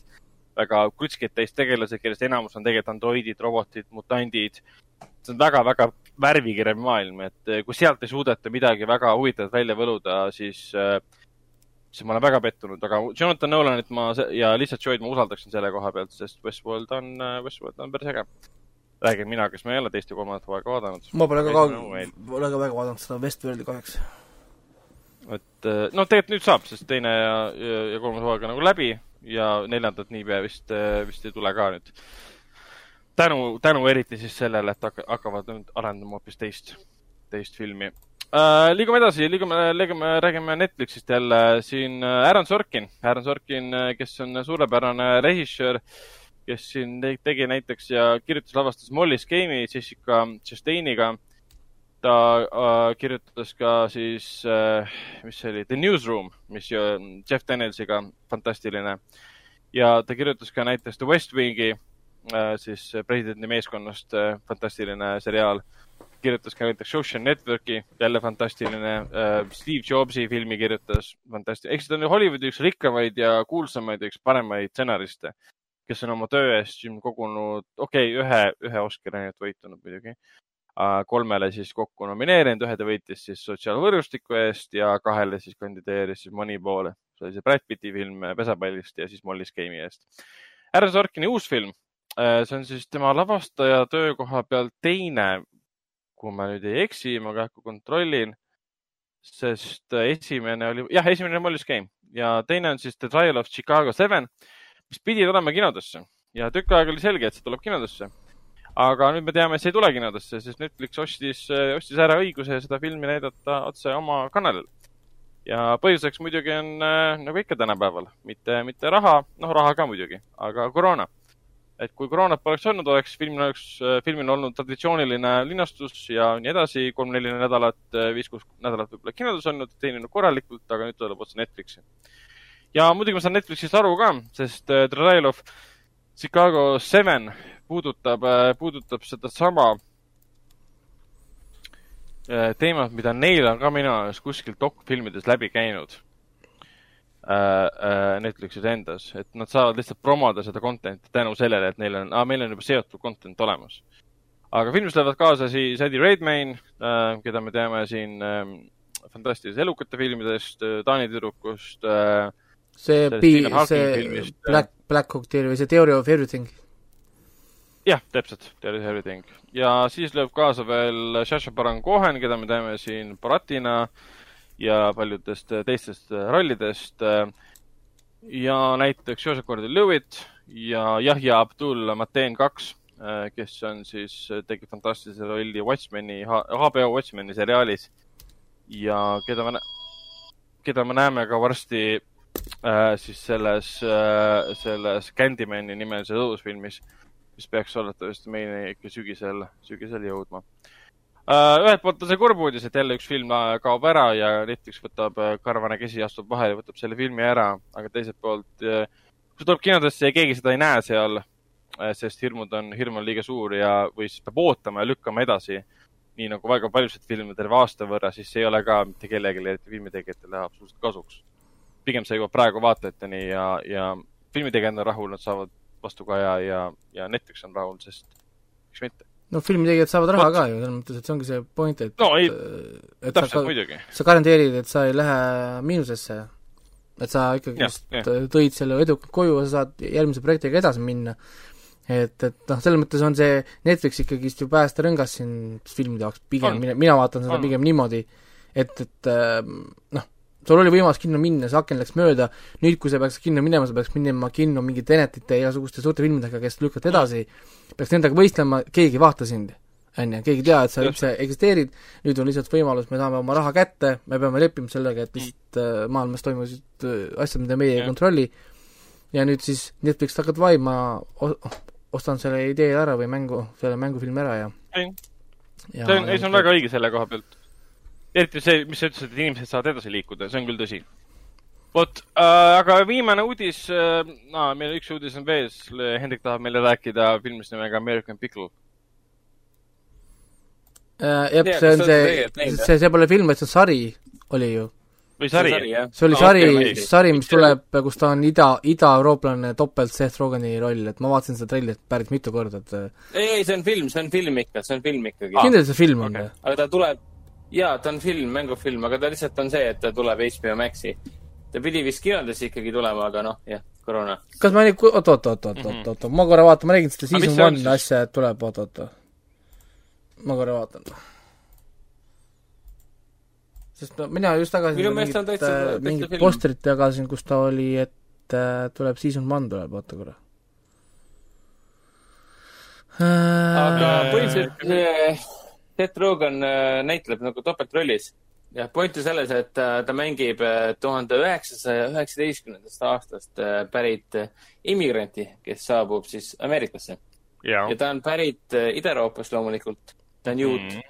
ja ta äh, mingist linnast nimega Slupsk või midagi ta- või Slup või mingi- igatahes mingi X nimi, mis on välja mõeldud mingi äh, küla kohta või riigi kohta, et äh, kuidagi seostada seda siis äh, selle sammuse okay. okei, jaa, ikka film jah, okei okay.. äh, Ida-Euroopaga, Ida-Euroopaga. ikka film.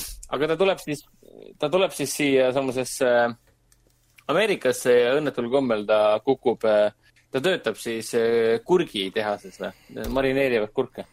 ja ta kukub siis marineeritud kurgi sinna lahusesse ja istub seal sada aastat. siis tuleb muidugi välja, et äh, see, see lahus säilitab kõike väga hästi sada aastat. ta tuleb välja sama targalt ja siis äh, saab aru, et äh, tema perekonnast on jäänud alles ainult üks inimene, kelleks on siis muidugi äh, Seth Rogen ise ja, ja, ja tulemus on noh, käes noh, hakkab tutvuma oma maailmaga ja mis tema ümber toimub. aga mulle see treiler väga meeldis, väga stiilne, eriti mis puudutab seda mineviku osa. et mulle tundub, et see on võib-olla täitsa, täitsa huvitav eksperiment, mida ta lõpuks, millega ta lõpuks nagu valmis. et siis põhimõtteliselt nii kui ma seda aru sain, filmis ongi see, et äh, siis see moodne Seth Rogen, see siis lapselaps või lapselapselaps või mis ta on siis, et, et see on luuser on ju, et see et see ei taha midagi Jah. teha ja siis nüüd tuleb siis tema see vana-vanaisa või keegi, kes ütleb, aga tee oma firma, hakka tege-, tege-, tegutsema, mida sa ootad, sul on kõik võimalused olemas. sest vanal ajal ju tegutseti.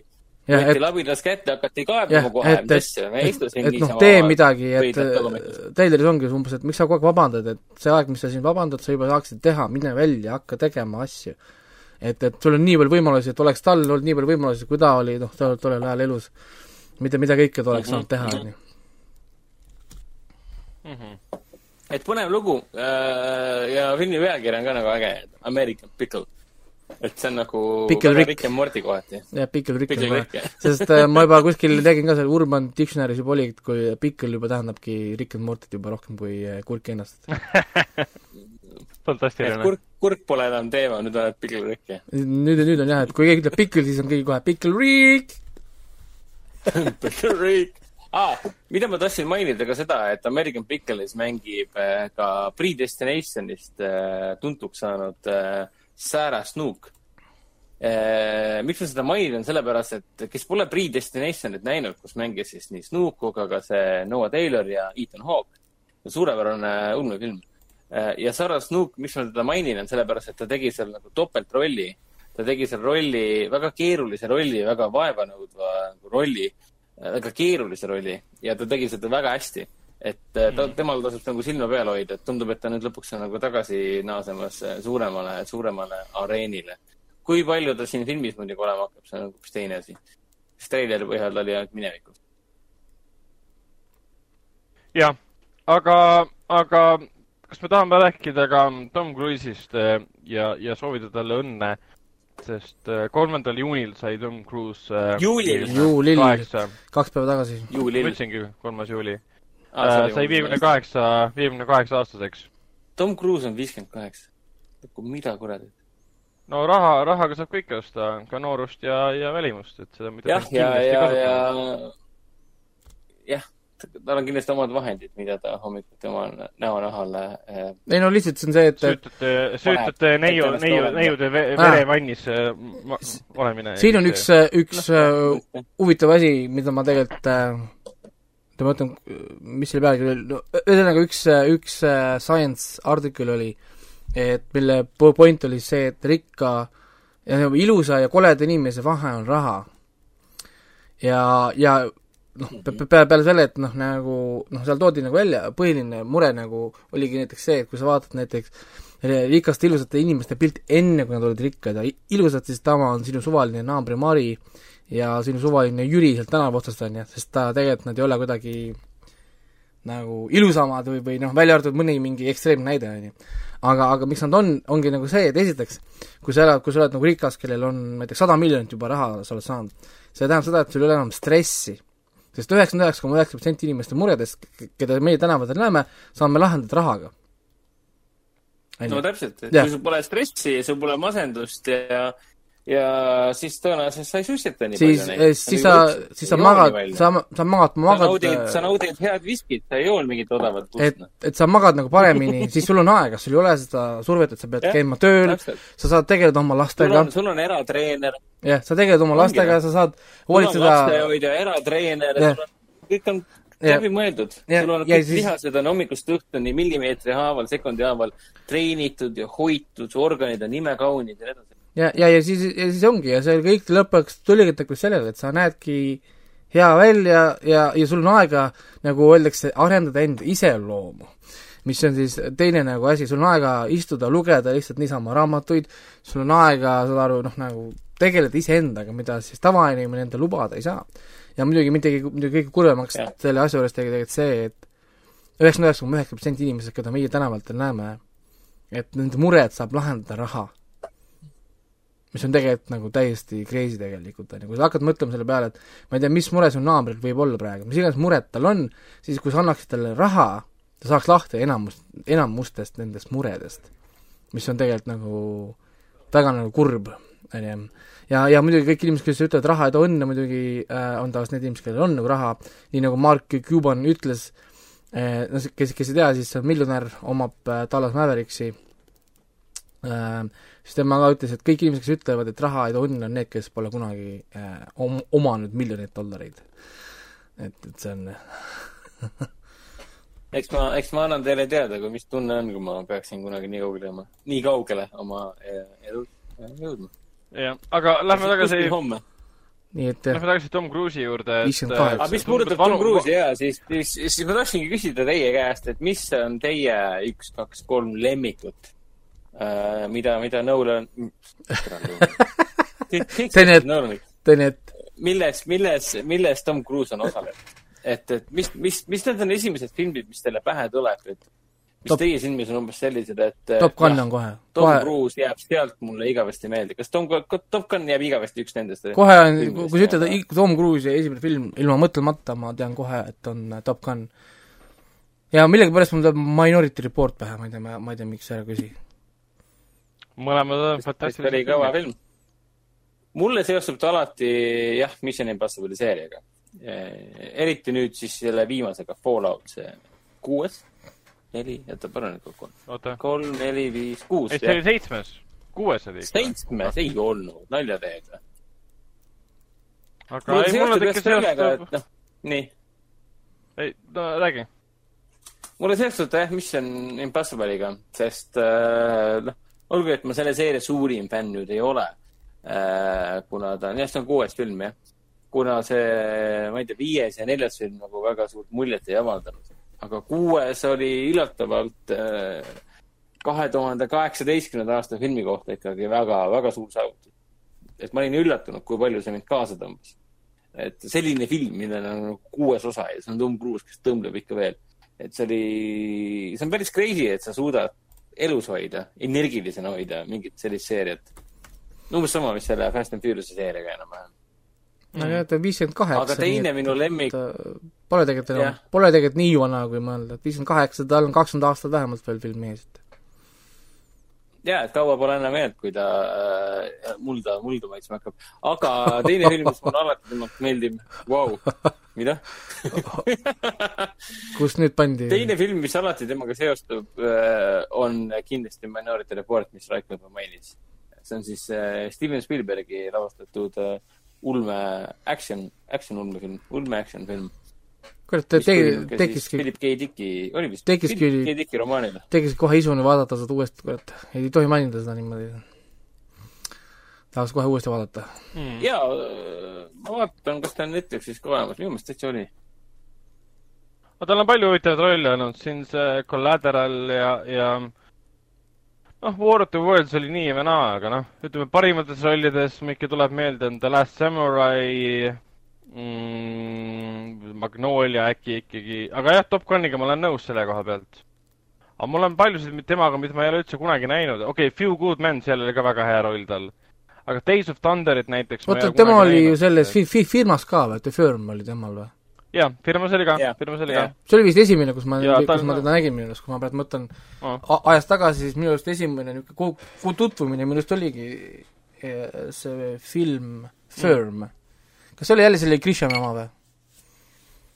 minu arvates küll, kohe kontrollin põhines- selle- jah, on küll jah. kusjuures selle Grishamiga oli hea nali selles, see, see osa sellest Kolmas kivi päikes, kus nad äh, proovivad emuleerida keskmist ameeriklast, et olla keskmine pere, siis õhtul enne magama minekut kõik loevad John Grishamit, igalühel oli John Grishami raamat, raamat käes ja siis nad lähevad omavahel tülli, omavahel tülli. oota, oota, milline minu Bravo. Grish-, mi-, milline minu Grisham oli? oota, see on see, kus ta tegeleb selle vandenõuga seal firmas, et, et see on meil kõikide raamatus ju. oota, sa pead olema täpsem. fantastiline, fantastiline.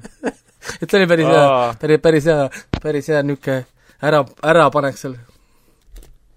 aga samas see ilmestab ka, kui palju nagu Tom Cruise'il erinevaid filme, et jah, inimesed seostavad teda võib-olla siis selle äh, Mission Impossible'iga, aga kui hakkad vaatama, tal on Eyes Wide Shut näiteks, Stanley Kubricku film, siis tal on noh, intervjuu vampiiriga, mis on tegelikult väga hea film.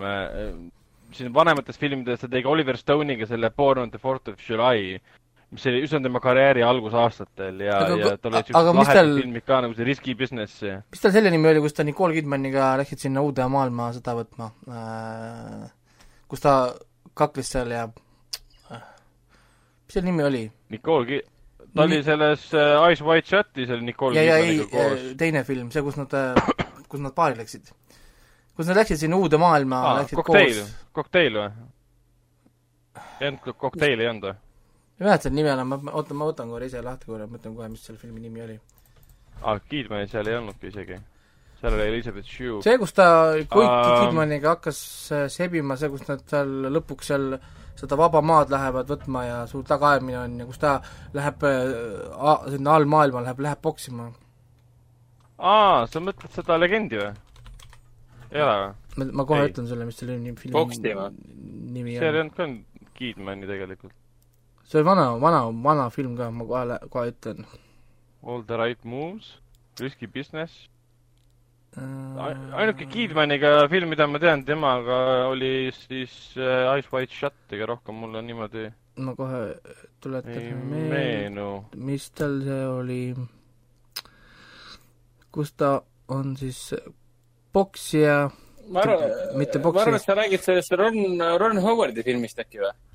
Far and Away. Aa. Iiri, Iiri, Iiri äh, immigrantidest. jaa, vot seesama jah, Far and Away, jah, et siin on tema ja Nicole Kidman, näed. jaa. Ma ei ole sellest filmist varem nagu teadnudki, aga Jep, see on et- jah, Ron Howardi lavastatud, produtseeritud ja jah, ja, ja see, ka tema ja see oli meil kunagi muusika. VHS-i kasseti peal pannud, me vaatasime seda mitmeid kordi. seal on päris, minule meeldis see, et seal oli päris nagu õiged või nagu õigesti tehtud kaklusstseenid, noh, sest noh, ma lapsest saadik olen vaadanud erinevaid võitluskunste isaga koos vaatasime ja siis mulle meeldis, kuidas äh, tema nagu need võitlusstseenid olid nagu väga õiged. noh, noh, nagu täpselt nii nad näeks, näeksidki päriselt välja. et see oli päris, päris, päris kihvt oli see.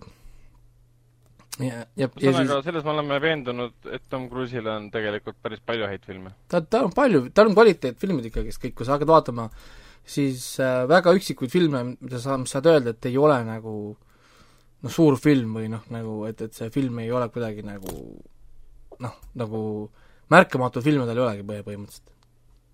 No eks ta on ikka ise on üritanud ka vaata mängida koos, mängida filmides, mille reisijad oleksid legendaarsed, on see siis Stanley Kubrick või on see siis äh, Paul Thomas Anderson. meelega on üritanud võimalikult erinevate ütleme, meie, meie, meie arusaama järgi võib-olla kõige paremate reisijaridega koos töötada, et arendada ennast näitlejana. aga sama ta noh, teeb kuida- Mission, kuida- Mission Impossible'it edasi ja aga kuidas sa üritad seda, ega ma arvan, kõik näitlejad üritavad, aga nad ei saa lihtsalt. ega, ega No- iga no täpselt, iga aga noh- näitleja tahaks teha koostööd ainult äh, suurte lavastajate ja igasuguste tuntud inimestega Mm. see lihtsalt noh, see ei aga tema sai seda enda- endale lubada, sest ta oli hullumeelne staar ja maksis kindlasti, ma arvan, et Paul Thomas Anderson sellest Magnoliast päris palju kinni ka.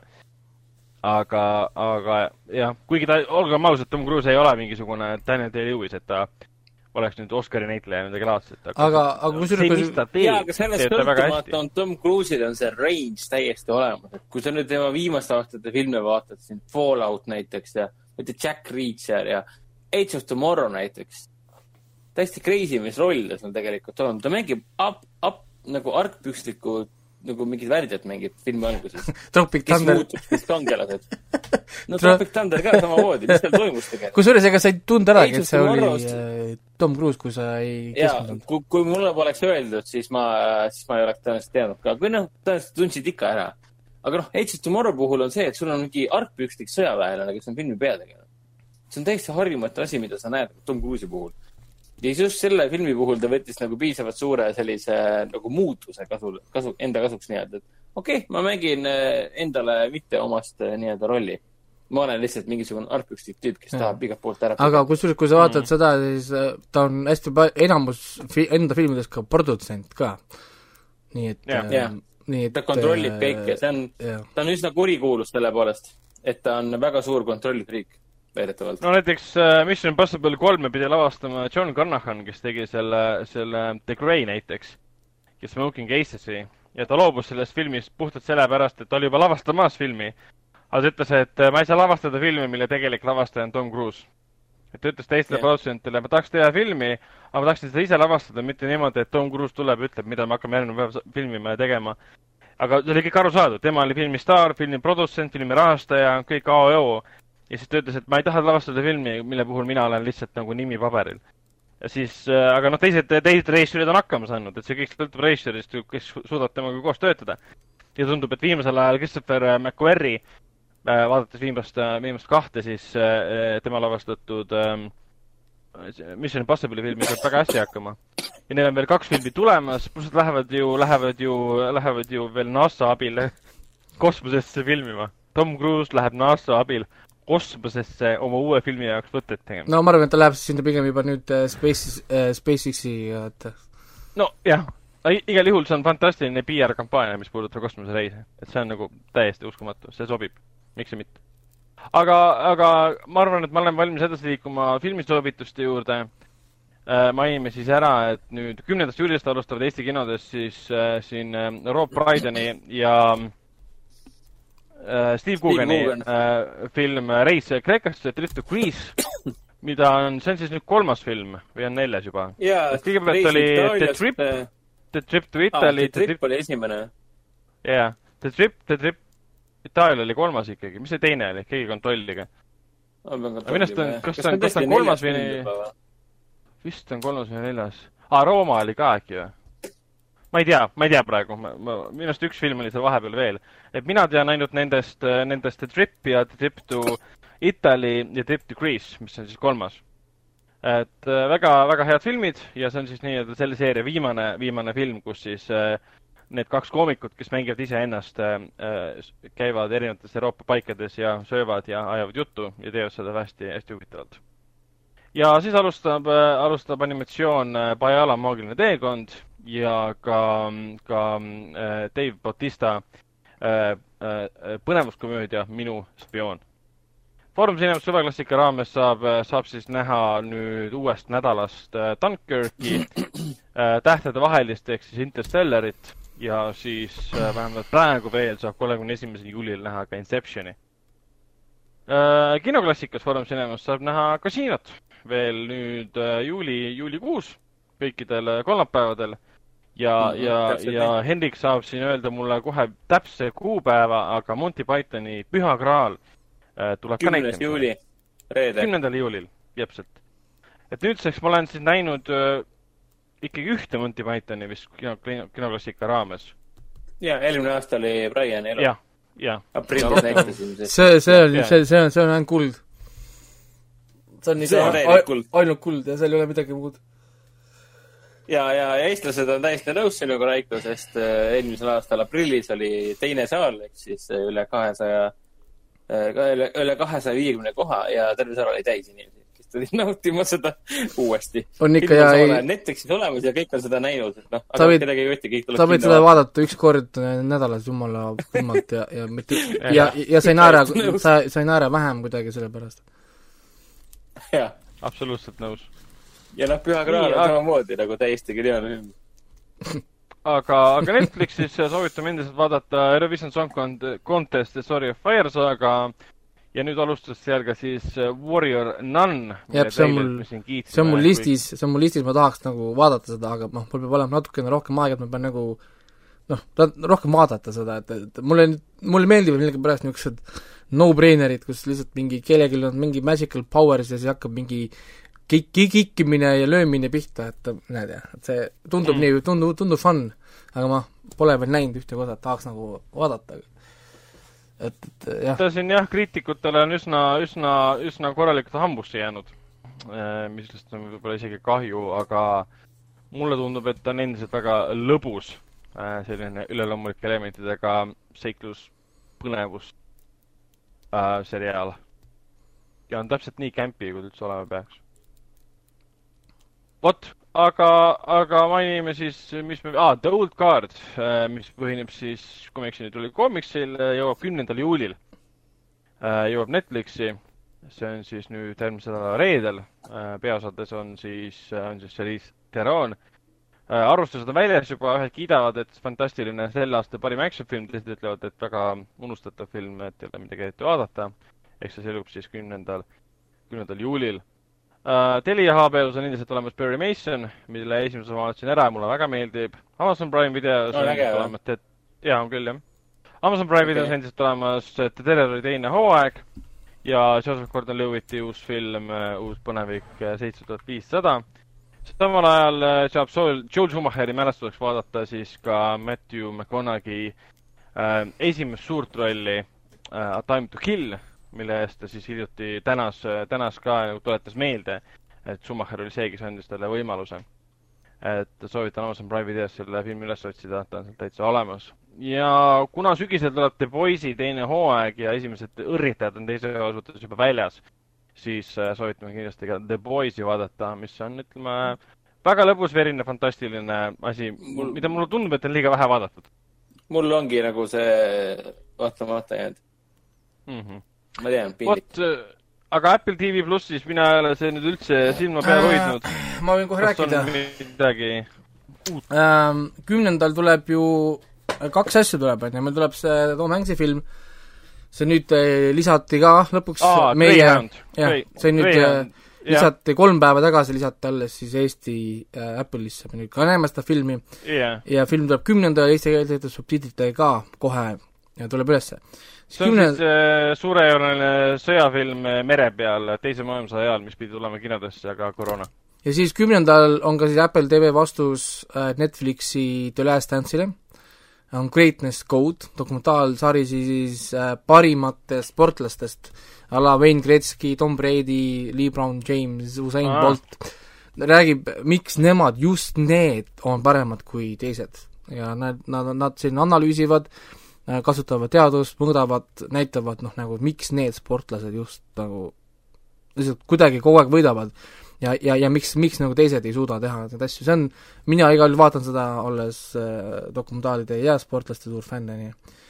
ja Little Voice tuleb kümnendal mm -hmm. ka, samuti, mida ma rääkisin sellest juba eelmine kord ka, et, et äh, ah jaa, see oli see, jaa, jaa ja, ja, ja noh, kümnendal praegu rohkem ei tulegi, aga noh, muud siin vahepeal uut pole olnud, et kõik needsamad asjad, mis on praegu olid, jooksid edasi, Defending Shape of Jacob sai läbi ja muidugi noh, praegu on siis see suur, mida siis Apple TV siin promob ja näitab, kuhu nad tohutut raha matavad, on siis see Foundation, on ju.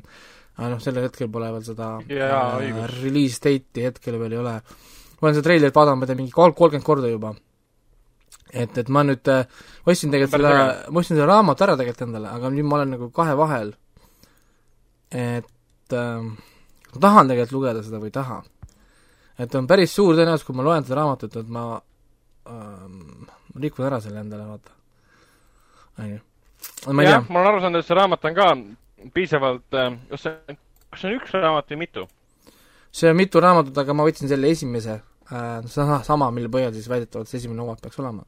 okei okay., et Nojah, noh, see siis ei maksa ta mitte midagi, võib-olla- maksis kaks üheksakümmend üheksa ja noh, ühesõnaga mm. -hmm. no ja kui sa tahad vaadata osta, see, et äh, ta oli terve seeria vist ka, muidugi ma ei tea, kas nad omavahel seotud on, ma olen nii palju pole uurinud, aga terve seeria oli üheksa, üheksakümmend üheksa. et saad kõik need raamatud kätte, ma ei tea, palju seal neid on, aga aga nagu noh, ma mõtlesin selle peale, kas ma nüüd see tahan on igat, ja, ja igati huvitav samas. et, et aga noh, Apple pidi tohutult promos seda, selles mõttes, et, et neil on ikka mingi väga konkreetne plaan ähm,, noh, sellega nagu selgelt näha, et, et, et mingisugune Ik- noh, mingisugune suurem, suurem, suurem idee või, või asi seal on, sest nad noh, vähemalt visuaalselt, kui vaatad treilerit, see on ikka väga, väga võimas, tähendab seda, et mingid eelarved on ju mingid suured, nii et, et nad tahavad saada midagi sealt tagasi, on ju, et et ei, kindlasti, kui nad juba teevad, teevad äh, viiekümne esimesel aastal ilmunud siis Asimovi raamatu põhjal äh, seriaali, siis ma arvan, et nad tahavad seda, seda näidata võimalikult uudse ja ägeda ja võimsana, et ei tekiks seda momenti, mis on tekkinud väga paljude teiste väga mõjukate äh, ulmeromaanide siis nagu lavastamisel. on see siis nagu John Carter või, või siis nüüd on noh, nüüd Dune ka kunagi tegelikult kus raamat on ilgelt mõjukas, aga film või seriaal tuleb välja ja kõik unustavad selle kiiresti ära mm. -hmm. et selle puhul nad ilmselt tahavad ikkagi teha seda, et see oleks võimalikult mõjukas äh, nii-öelda TV event of the year no nüüd no eks kõik sihivad seda Game of Thronesi suurust haipi tahavad saada, et kõik, kõik, kõik teil on pi- pilk on ees, sci-fi raamat, tuntud suur raamat, sai veel tuntumaks, suuremaks äh, telesarjaks, tahavad sama asja saada nüüd kindlasti, et mm,. Mm. tõsi. aga sellega me saame oma saate siis äh, lõpetatuks äh, lugeda ja, ja tõmbamegi joone alla ja näeme, näeme järgmisel korral. tšau. järgmine nädal jah, mingi hetk siis. tšau.